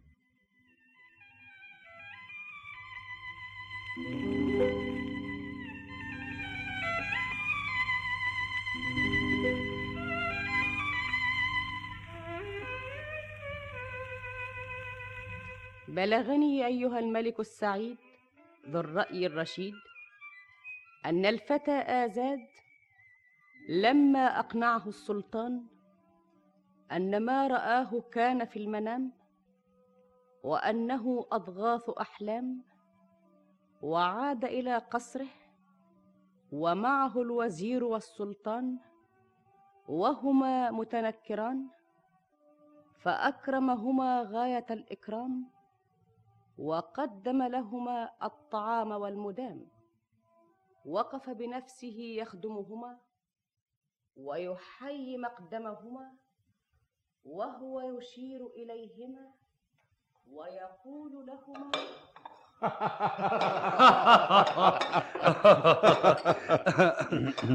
أنا والله كنت متصور إنها حقيقة بس كان كابوس تقيل شويه الحمد لله ربنا بعتكم ليا عشان تنقذوني ومن اللي أنا فيه تخلصوني الناس كلها تخلت عني وانتوا اللي جيتوني على كل حال جت سليمه أنا كنت مضرب عن الأصدقاء عشان ما شفتش فيهم وفاء لكن بعد ما شفتكم انتوا يا أغراب هتخذكم أصحاب احنا متشكرين ده أنا مش عارف أودي جميلكم فين الله انتوا ما بتاكلوش ليه؟ خلاص الحمد لله انتوا ما دقتوش ال- الصنف ده خير ربنا قدامنا هو حد هيعيشنا ولا بتعزمنا وبعدين تطردنا بعد ما يكرمنا أطردكم ده البيت بقى بيتكم وأنا خدامكم طب شوف الطبق ده احنا خلاص اكتفينا وعشان خاطري ما عادش فيه مكان طيب نشيل الطعام ونجيب المدام يا غلام خليك انت يا غلام من اصول الاكرام ان صاحب البيت هو اللي يقدم المدام ما هو أنا اللي هقدمها وتقوم انت تجيبها أقوم أجيبها يا سلام ده أنا خدام فين المدام انت قومته ليه ناوي تعمل ايه انت مش معاك علبه البنك ما احنا بنجناه وضحكنا عليه لكن بالشكل ده الحكايه تفضل معلقه احنا لابد نعمل لها نهايه ونعرفه ايه اصل الحكايه فين الكاس بتاعه الكاس بتاعه اهو لبريد قول أواني بس احسن جه لا مؤاخذة اتأخرت عليك لكن جبت لكم حاجة ما شافتهاش عينيكم مم. استنوا أما أوريكم يا سلام شوف لونها شوف أنت طعمها شوف ريحتها وكاسك ما أنا مليتها طب يلا معانا في صحتك نخب صداقتنا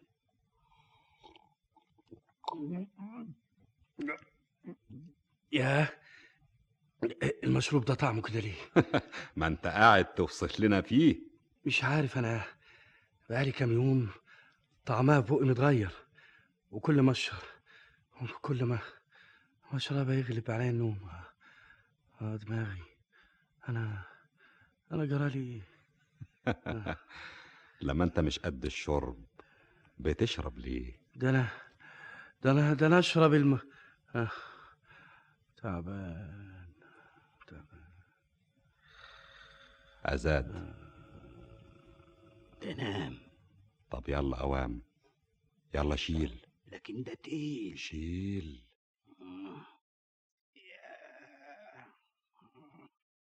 مولانا مولانا آه. اصحى يا مولانا السلطان انا انا انت ايه يا مولانا مفيش مفيش ما انا دلوقتي بحلم تحلم ايه يا مولانا السلطان انت صاحي وانا جريتك وواقفه على خدمتك ايوه ايوه ما كل ده في المنام منام ايوه منام كل اللي قدامي ده احلام الله مولانا هي رجعت لك تاني رجعت له تاني استني هنا ما تجريش مولانا السلطان انت مش متاكده اني انا سلطان وهي دي فيها شك يا مولانا السلطان طيب هاتي لي جريتي زهره البستان امرك يا مولانا السلطان زهره البستان زهره البستان التاج على جبيني الصولجان في ايدي الخدم الحشم العبيد والجواري والأسرة هو قدامي دي حقيقة ولا أنا بحلم طبعا بحلم لكن مين يعلم أكونش أنا دغري سلطان وعيان بمرض النسيان مولانا السلطان جريتك زهرة البستان زهرة البستان مولاي تعالي زهرة البستان جنة الأحلام تعالي قولي لي مولاي انتي انت بتحبيني وهو في حد ما يحبش مولانا السلطان لا انا مش عايزك تحبيني لانك ملك يميني انا عاوزك تحبيني زي ما بحبك وزي ما وهبتك قلبي توهبي لي قلبك انا عايز عايز املكك نفسك عاوز اعتقك وبعدين اطلب يدك واسمعها كلمه منك انت يا مولاي بتعطف عليا انت اغلى من عينيا انت كل حاجه في الدنيا زهرة البستان قولي لي اقول لك ايه انت تقبلي تتجوزيني انا يا مولاي جاريه من جواريك مش ممكن اغلى عليك يعني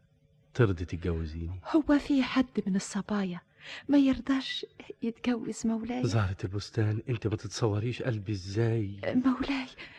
انا ملك يمينك لكن انت اللي ملكاني انا عبدك انا اسيرك في عز سلطاني مولاي زهرة اديني قبلة لا قبلة ايه احنا متفقين على ايه ايوه صحيح زهرة البستان انت حرة انا عتقتك مولاي السلطان الوزير في ايه يا وزير في اتنين اغراب واقفين على الباب اطردوهم يا حجاب يطردونا الحجاب انتوا ايه اللي جابكم انت مش قلت, قلت ان احنا بقينا اصحاب